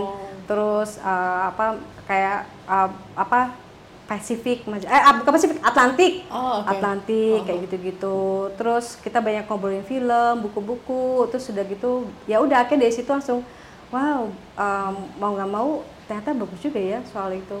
Lebih ke menarik ke situ. Ketika pulang ya udah mau nggak mau uh, pulang dipikirnya kan udah pulang dari pasti bisa bahasa Inggris pikirannya begitu kan. Terus gue pulang jadi pengangguran gimana? Tapi bisa Bang jadi, survive. Bang jadi pengangguran, terus ada ada satu masa yang, aduh gue kerja di mana ya? Kan, gue nggak bisa kerja di kantoran lagi deh kayaknya gitu kan. Terus eh, sempat ada masa melihat langit-langit dengan uang di gini mbak gimana gue ngomong sama orang tua gue ya gue pulang tapi gue masih jadi pengangguran. Terus saldo tinggal 500 ribu gitu kan 500 ribu. Terus udah gitu udah ada mobil lagi gitu kan mesti ngidupinnya gimana? Tapi sempat ada masa mobil dijual kayak gitu gitu terus ya udah eh, pulang dari sana bingung kerja apa eh, mulai bantu teman-teman bantu teman fotografer untuk jadi untuk interview ngejemahin Oke, gitu-gitu. dan ketemulah Panya Oh. ketemu Mbak Swanti kamu mau nggak nulis-nulis seperti ini gini-gini terus notulen Ah. terus kadang ngejemahin teks yang perlu diterjemahin Oke. gitu-gitu. Terus eh, dipanya lah dipanya dipanya sih. Aku dipanya banyak banget eh, belajar Nah, ini kita langsung dengan posisi waktu itu jadi notulis dan ternyata saya banyak banget belajar luar biasa. Mantap. Panya jadi para jalan. notulis semangat semangat. Karir Anda eh, berawal jadi notulis Nah, berarti kita ngobrol sepanjang tadi eh, mau ngaitin Nah, nanti lagi lo nih. ngekat gimana lihat aja gampang, pikirin. gampang, gampang. Kita ngaitin sama eh, pentingnya teks dalam fotografi nih. Kak Kak Oki kan juga jadi mentor di PYP, kemudian juga di eh, PFT. Nah, menurut Kak Oki apa sih pentingnya bagi seorang fotografer untuk bisa menulis sendiri? Eh, kemudian ya men- menulis dan menerjemah menerjemahkan oke lah nggak nggak nggak terlalu ini lah yang bisa bisa meng-hire orang tapi menulis sepertinya esensi deh nggak cuman caption tapi juga mungkin bisa um, memframing atau apa menguatkan eh, apa struktur foto gitu ya konsep foto dan lain-lain. Pentingnya tuh sejauh mana? Hmm, sebetulnya eh tergantung dulu. Hmm, fotografinya apa ya? Kebetulan aku eh. kan ngomongnya gini. Ya kebetulan aku sangat tertarik banget ketika pulang itu kan eh, ketika gabung di Panya bertemu dengan Panya kemudian eh, jadi nulis di situ apa Ya. segala macam kan Korea kan fotografi dokumenter ya dan itu tuh kan dan itu sebelum sebelum sebelumnya di majalah Snap kan semua jenis fotografi aku kan aku sempat lihat gitu Iya, kan iya. ada fashion fotografi Yep. kemudian ada water fotografi segala macam gitu tapi di dokumenter itu tuh kan lebih kerasa eh ih kayaknya ini asik banget gitu Hmm. dan asik banget dalam artian kayaknya dia nyambungin semuanya antara Hmm. bukan nyambungin semua sebenarnya semua sih cuma kayaknya lebih kerasa aku lebih ke bondingnya lebih kuat karena dia kayak antara kepala ya mata sama hati itu satu sumbu Oke. di dokumenter. Oh, Ini versi aku ya, Ya, menurut ya. aku gitu ya. Karena apa? Karena ketika uh, fotografi dokumenter atau enggak jurnalistik gitu ya, dia kan sifatnya kepala dan artian lu mesti riset gitu Ya. kan. Ternyata dan itu juga mesti nulis juga atau enggak Ya. mesti gimana caranya untuk melakukan pendekatan apa segala macam itu semua kan pakai proses juga gitu kan.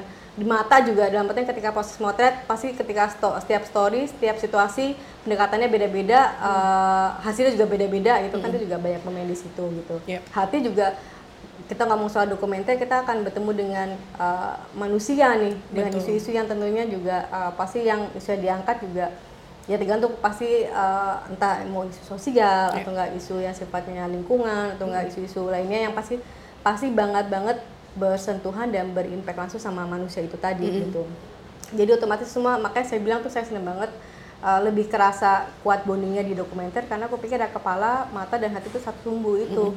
Em, di situ tuh lebih kerasa lagi adalah ketika ternyata ketika di Panya itu kan baru ketemu oh ada yang namanya waktu itu terlibatnya waktu itu di proses yang PPG Oh, PPG yang kedua kalau nggak salah Iya. gitu kan waktu itu di notulis gitu di notulis kemudian ketika di notulis itu juga kan otomatis dan eh, apa lihat semua materi-materinya. Kemudian ternyata baru ngerasa wih gila ternyata eh, penting banget gitu buat fotografer eh, nggak cuma ngomong nggak punya nggak cuma punya kemampuan untuk nulis caption gitu kan. Otomatis untuk nulis caption pun juga eh, kita untuk nulis nggak segampang itu juga gitu Benar. kita kalau nulis tapi nggak punya bagasi bacaan yang cukup juga otomatis mentok gitu Iya. dan itu juga yang aku pelajari ketika kita eh, salah satu creative writing juga sebetulnya kan salah satu kunci untuk jadi penulis atau enggak kalau menulis sebetulnya read gitu Iya. banyak-banyakin baca gitu baca pun juga ternyata ada tiga macam sendiri gitu. Mau baca yang eh, apa intensive reading Iya. extensive reading itu juga aku pelajari waktu waktu di sana gitu kan bahwa membaca pun itu sesuai kebutuhan gitu. Ketika kita membaca uh, untuk kebutuhan untuk uh, extensive reading kayak apa intensive reading kayak apa gitu-gitu juga. Nah itu jadi uh, kalau aku pikir akan sangat kepakai ketika untuk um, bagi si fotografer ketika dia tahu cara menulis gitu Oke. kan.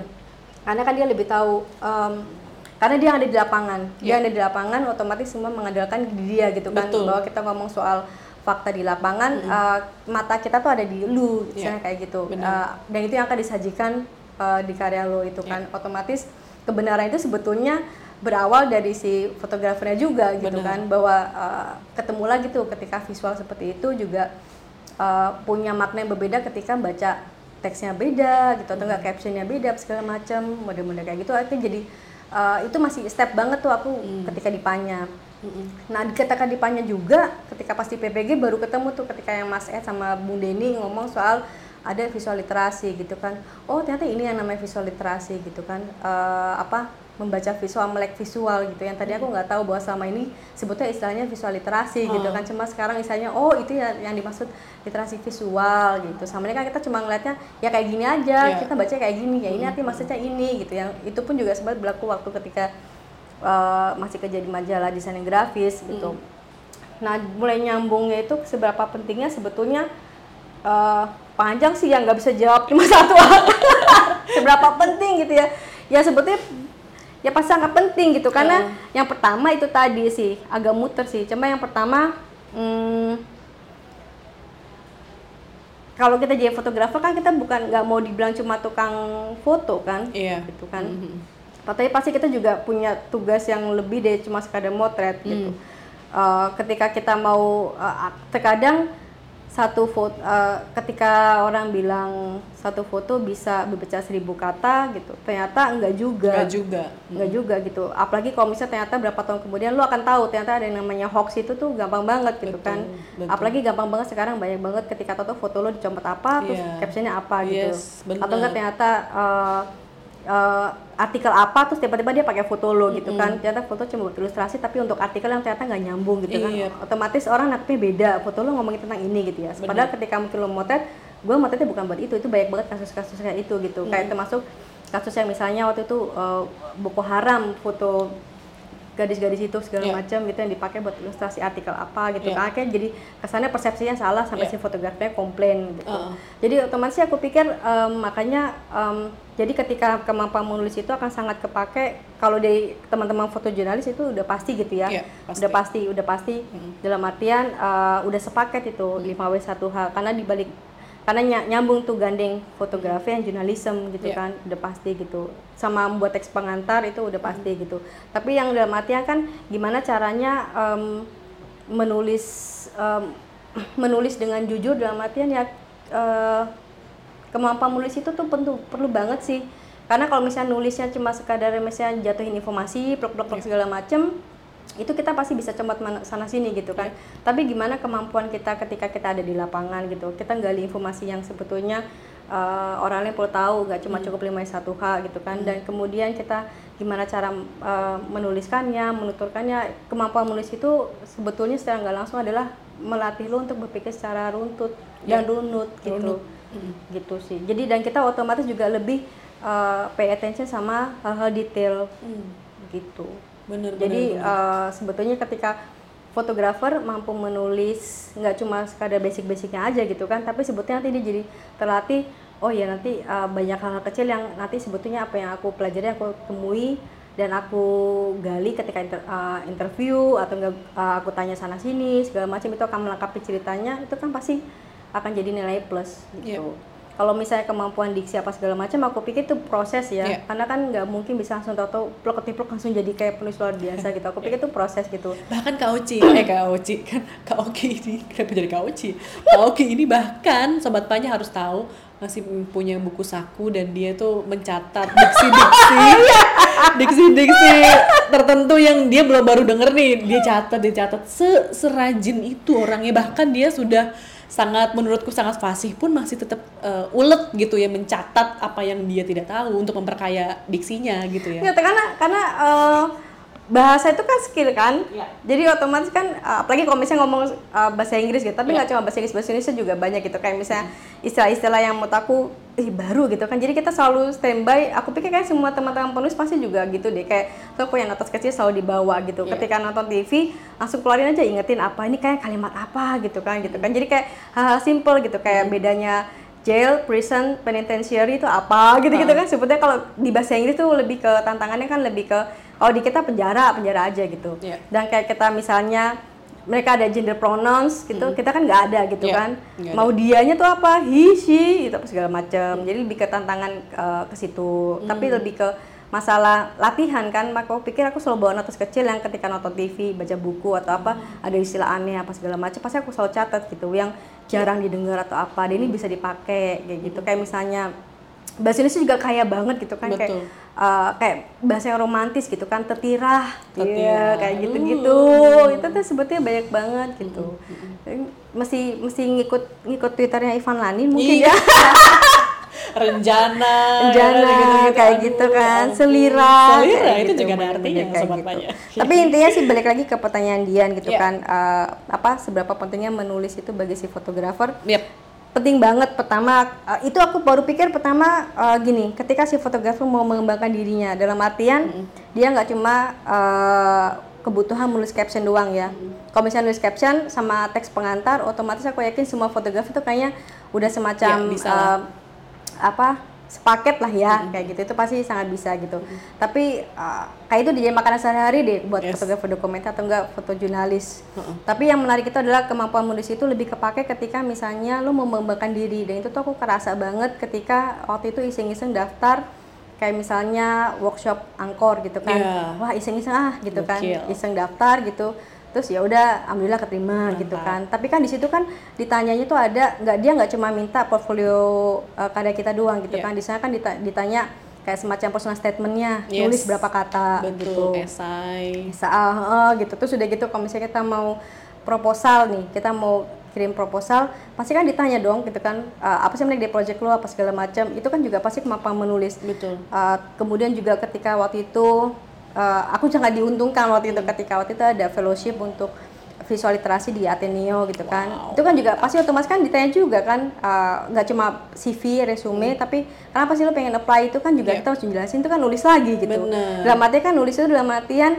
uh, komunikasinya sifatnya satu arah ketika kita apply suatu gitu. Kalau misalnya kita ngomong gini, enggak maksudnya gini loh ya, gini-gini kita masih bisa. Maksudnya gini-gini gini yang gue maksudin. Tapi ketika Bener. Kita apply sesuatu dan komunikasi itu satu arah dan dibatasi juga jumlah karakter, Bener. otomatis kita tuh belajar banget gimana caranya menyampaikan segala sesuatu uh, antara bahasa lisan sama tulisan kan beda. Betul. Dengan bahasa tulisan tuh kita jadi belajar bagaimana berpikir secara efektif, efisien, runtut, runut. Tapi yang paling penting adalah kita yang lebih tahu apa yang kita mau gitu. Bener. Mungkin bisa jadi bisa minta tolong orang tulisin intinya gini ya. Pokoknya gue cuma pengen ngomong kalau misalnya gue gini gini gini gini itu gimana Iya. tuh kalimatnya. Oh, Kayak gitu-gitu kan iya. mungkin bisa jadi gitu kan Iya. ya.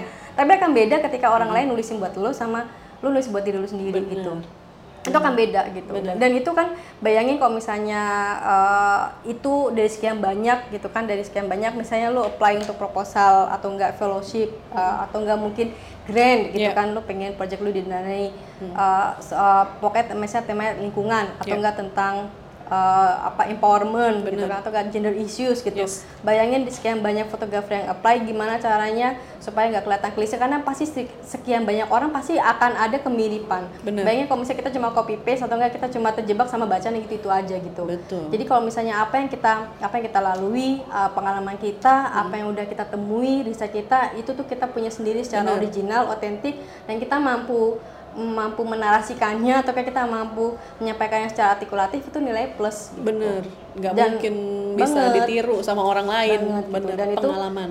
akhirnya jadi uh, mulai mulai belajar ngelihat gitu kan ketika mulai yang uh, apa yang ikut PPG bukan ikut PPG maksudnya mulai bantu-bantu PPG gitu kan kemudian yang beberapa program-program lainnya kemudian aku ikut uh, sempat ikut workshop yang di Angkor kemudian ikut workshopnya Ubin segala Yes. macam kayak gitu. Terus yang uh, apa uh, yang terakhir itu waktu itu uh, yang fellowship yang di Kenya sama London itu itu juga salah satunya kan juga kayak uh, oke lo bisa motret ini karya lo tapi uh, jelasinnya gimana gitu Yes. kan.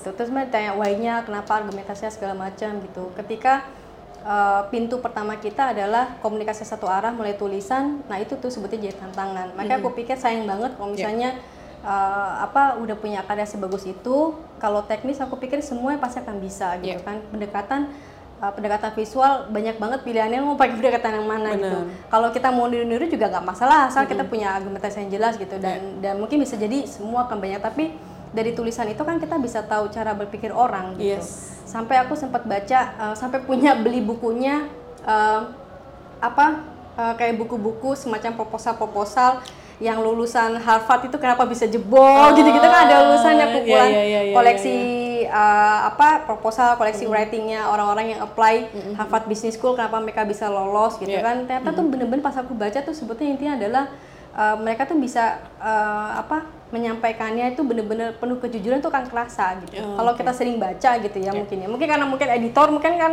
banyak banget ya kita tema teks-teks gitu Betul, kan. betul. jadi akan tahu kok ini kayaknya terlalu cheesy deh. Iya. ah, ini kayaknya terlalu lebay deh. Ah kayaknya ini nggak mungkin banget deh. Tapi kan kita bisa tahu tulisan yang benar-benar jujur dan organik itu akan sangat kerasa. Sama kayak foto editor deh. Aku pikir kalau foto editor akan tahu ketika dia uh, apa kirim proposal karya apa segala macam dan kita bisa tahu ini kayaknya bener-bener ini anak otentik banget gitu kan. Atau enggak dia pendekatannya bener-bener jujur atau apa segala macam itu pasti akan kerasa kok menurut aku sih ya gitu. Jadi aku pikir kemampuan menulis itu perlu banget ketika kita mau loncat ke step berikutnya gitu. Oke. kalau untuk keperluan sehari-hari aku pikir udah makanan sehari-hari teman fotografer udah oke ya. Maksudnya artian, aduh nulis caption udah kayak udah jadi makanan rutin gitu kan. Bikin teks pengantar tiga paragraf udahlah udah pasti udah sangat terlatih. Apalagi Yes. kalau udah tahunan gitu kan jadi Betul. foto jurnalis atau jadi foto dokumenter gitu. Tapi kan tantangannya ketika apakah lu mau naik kelas lagi apakah lu mau coba lompatan berikutnya apakah mau untuk dapat grant apa segala macam gitu segala macam ya aku pikir atau nggak mau pameran deh. Iya, pameran kadang-kadang kan nggak ada lagi tuh yang aku nemu ternyata ada artis statement gitu kan. Yes. ah ini artis statement bedanya apalagi nih sama caption? Atau enggak sama personal personal essay bedanya gimana? Segala macam kayak gitu-gitu. Jadi ya bagaimana kita membawa diri kita bagaimana kita membawa karya kita jadi eh, jauh lebih ke tentang em, apa ini loh karya kita tapi lebih ke ngeliatin bahwa eh, apa ya gimana sih ceritanya lebih ke bukan it's, it's bukan gimana masa sayang gitu ya sayang kalau sebuah sebuah karya bagus story lo udah bagus uh, dan kita udah tahu kerja keras lo se- sedemikian rupa tapi nggak bisa menyampaikannya Yes. secara artikulatif Betul. itu sayang banget gitu Benar. apalagi kalau misalnya tiba-tiba diundang di public presentation Yes. gitu kan atau enggak kalau misalnya eh, percaya deh kalau misalnya teman-teman punya kemampuan untuk menyampaikan secara artikulatif atau enggak eh, menyampaikannya secara runut atau runtut gitu ya pasti ketika teman-teman nggak cuma itu juga akan kebawa ketika ngomong gitu kan Benar, ketika benar. ngomong dia bisa menjelaskan karyanya dengan Yes. detail apa segala Yep. macem gitu nggak cuma ya pokoknya gini aja deh tapi dia punya punya bagasi pengalaman yang kuat dan dia bisa menyampaikannya aku pikir nggak bagus cuma image buat di dia doang tapi karyanya juga akan lebih ke highlight Bener. dan story yang akan angkat juga akan lebih ke highlight dan tapi yang lebih penting adalah ketika lo menyampaikan itu lo nggak akan tahu satu atau dua orang yang akan tersentuh dan itu akan lo akan menginspirasi orang untuk jadi lu kayak gitu. Yes. kita nggak akan pernah tahu gitu kan. Wuh, dibayangin ya saya ya nggak sih? Gokil, gokil, gokil. dari tulisan doang misalnya kan bisa jadi Yes. kayak misalnya eh, orang baca gitu kan eh kenapa sih ini kok motret ini? gitu ya. Terus tiba-tiba dia bisa menjawab atau nggak menuliskannya. Terus tiba-tiba lo nggak pernah tahu itu karya lo eh, foto essay atau foto foto di apa dibaca sama anak kuliah atau apa dan tiba-tiba dia iseng baca ih gila kata-katanya sampai kayak kayak menggugah emosi banget gitu kan terus Yes. akhirnya langsung gila gue pengen jadi kayak dia kan kita nggak tahu ya Iya. ya kan kayak Bener. gitu-gitu Hai Sobat Panya, terima kasih sudah mendengarkan podcast cerita di balik lensa by Panya Foto. Nantikan terus episode selanjutnya, mengudara setiap dua kali dalam sebulan di aplikasi Noise. Tetap berkarya dan jangan lupa suarakan visualnya.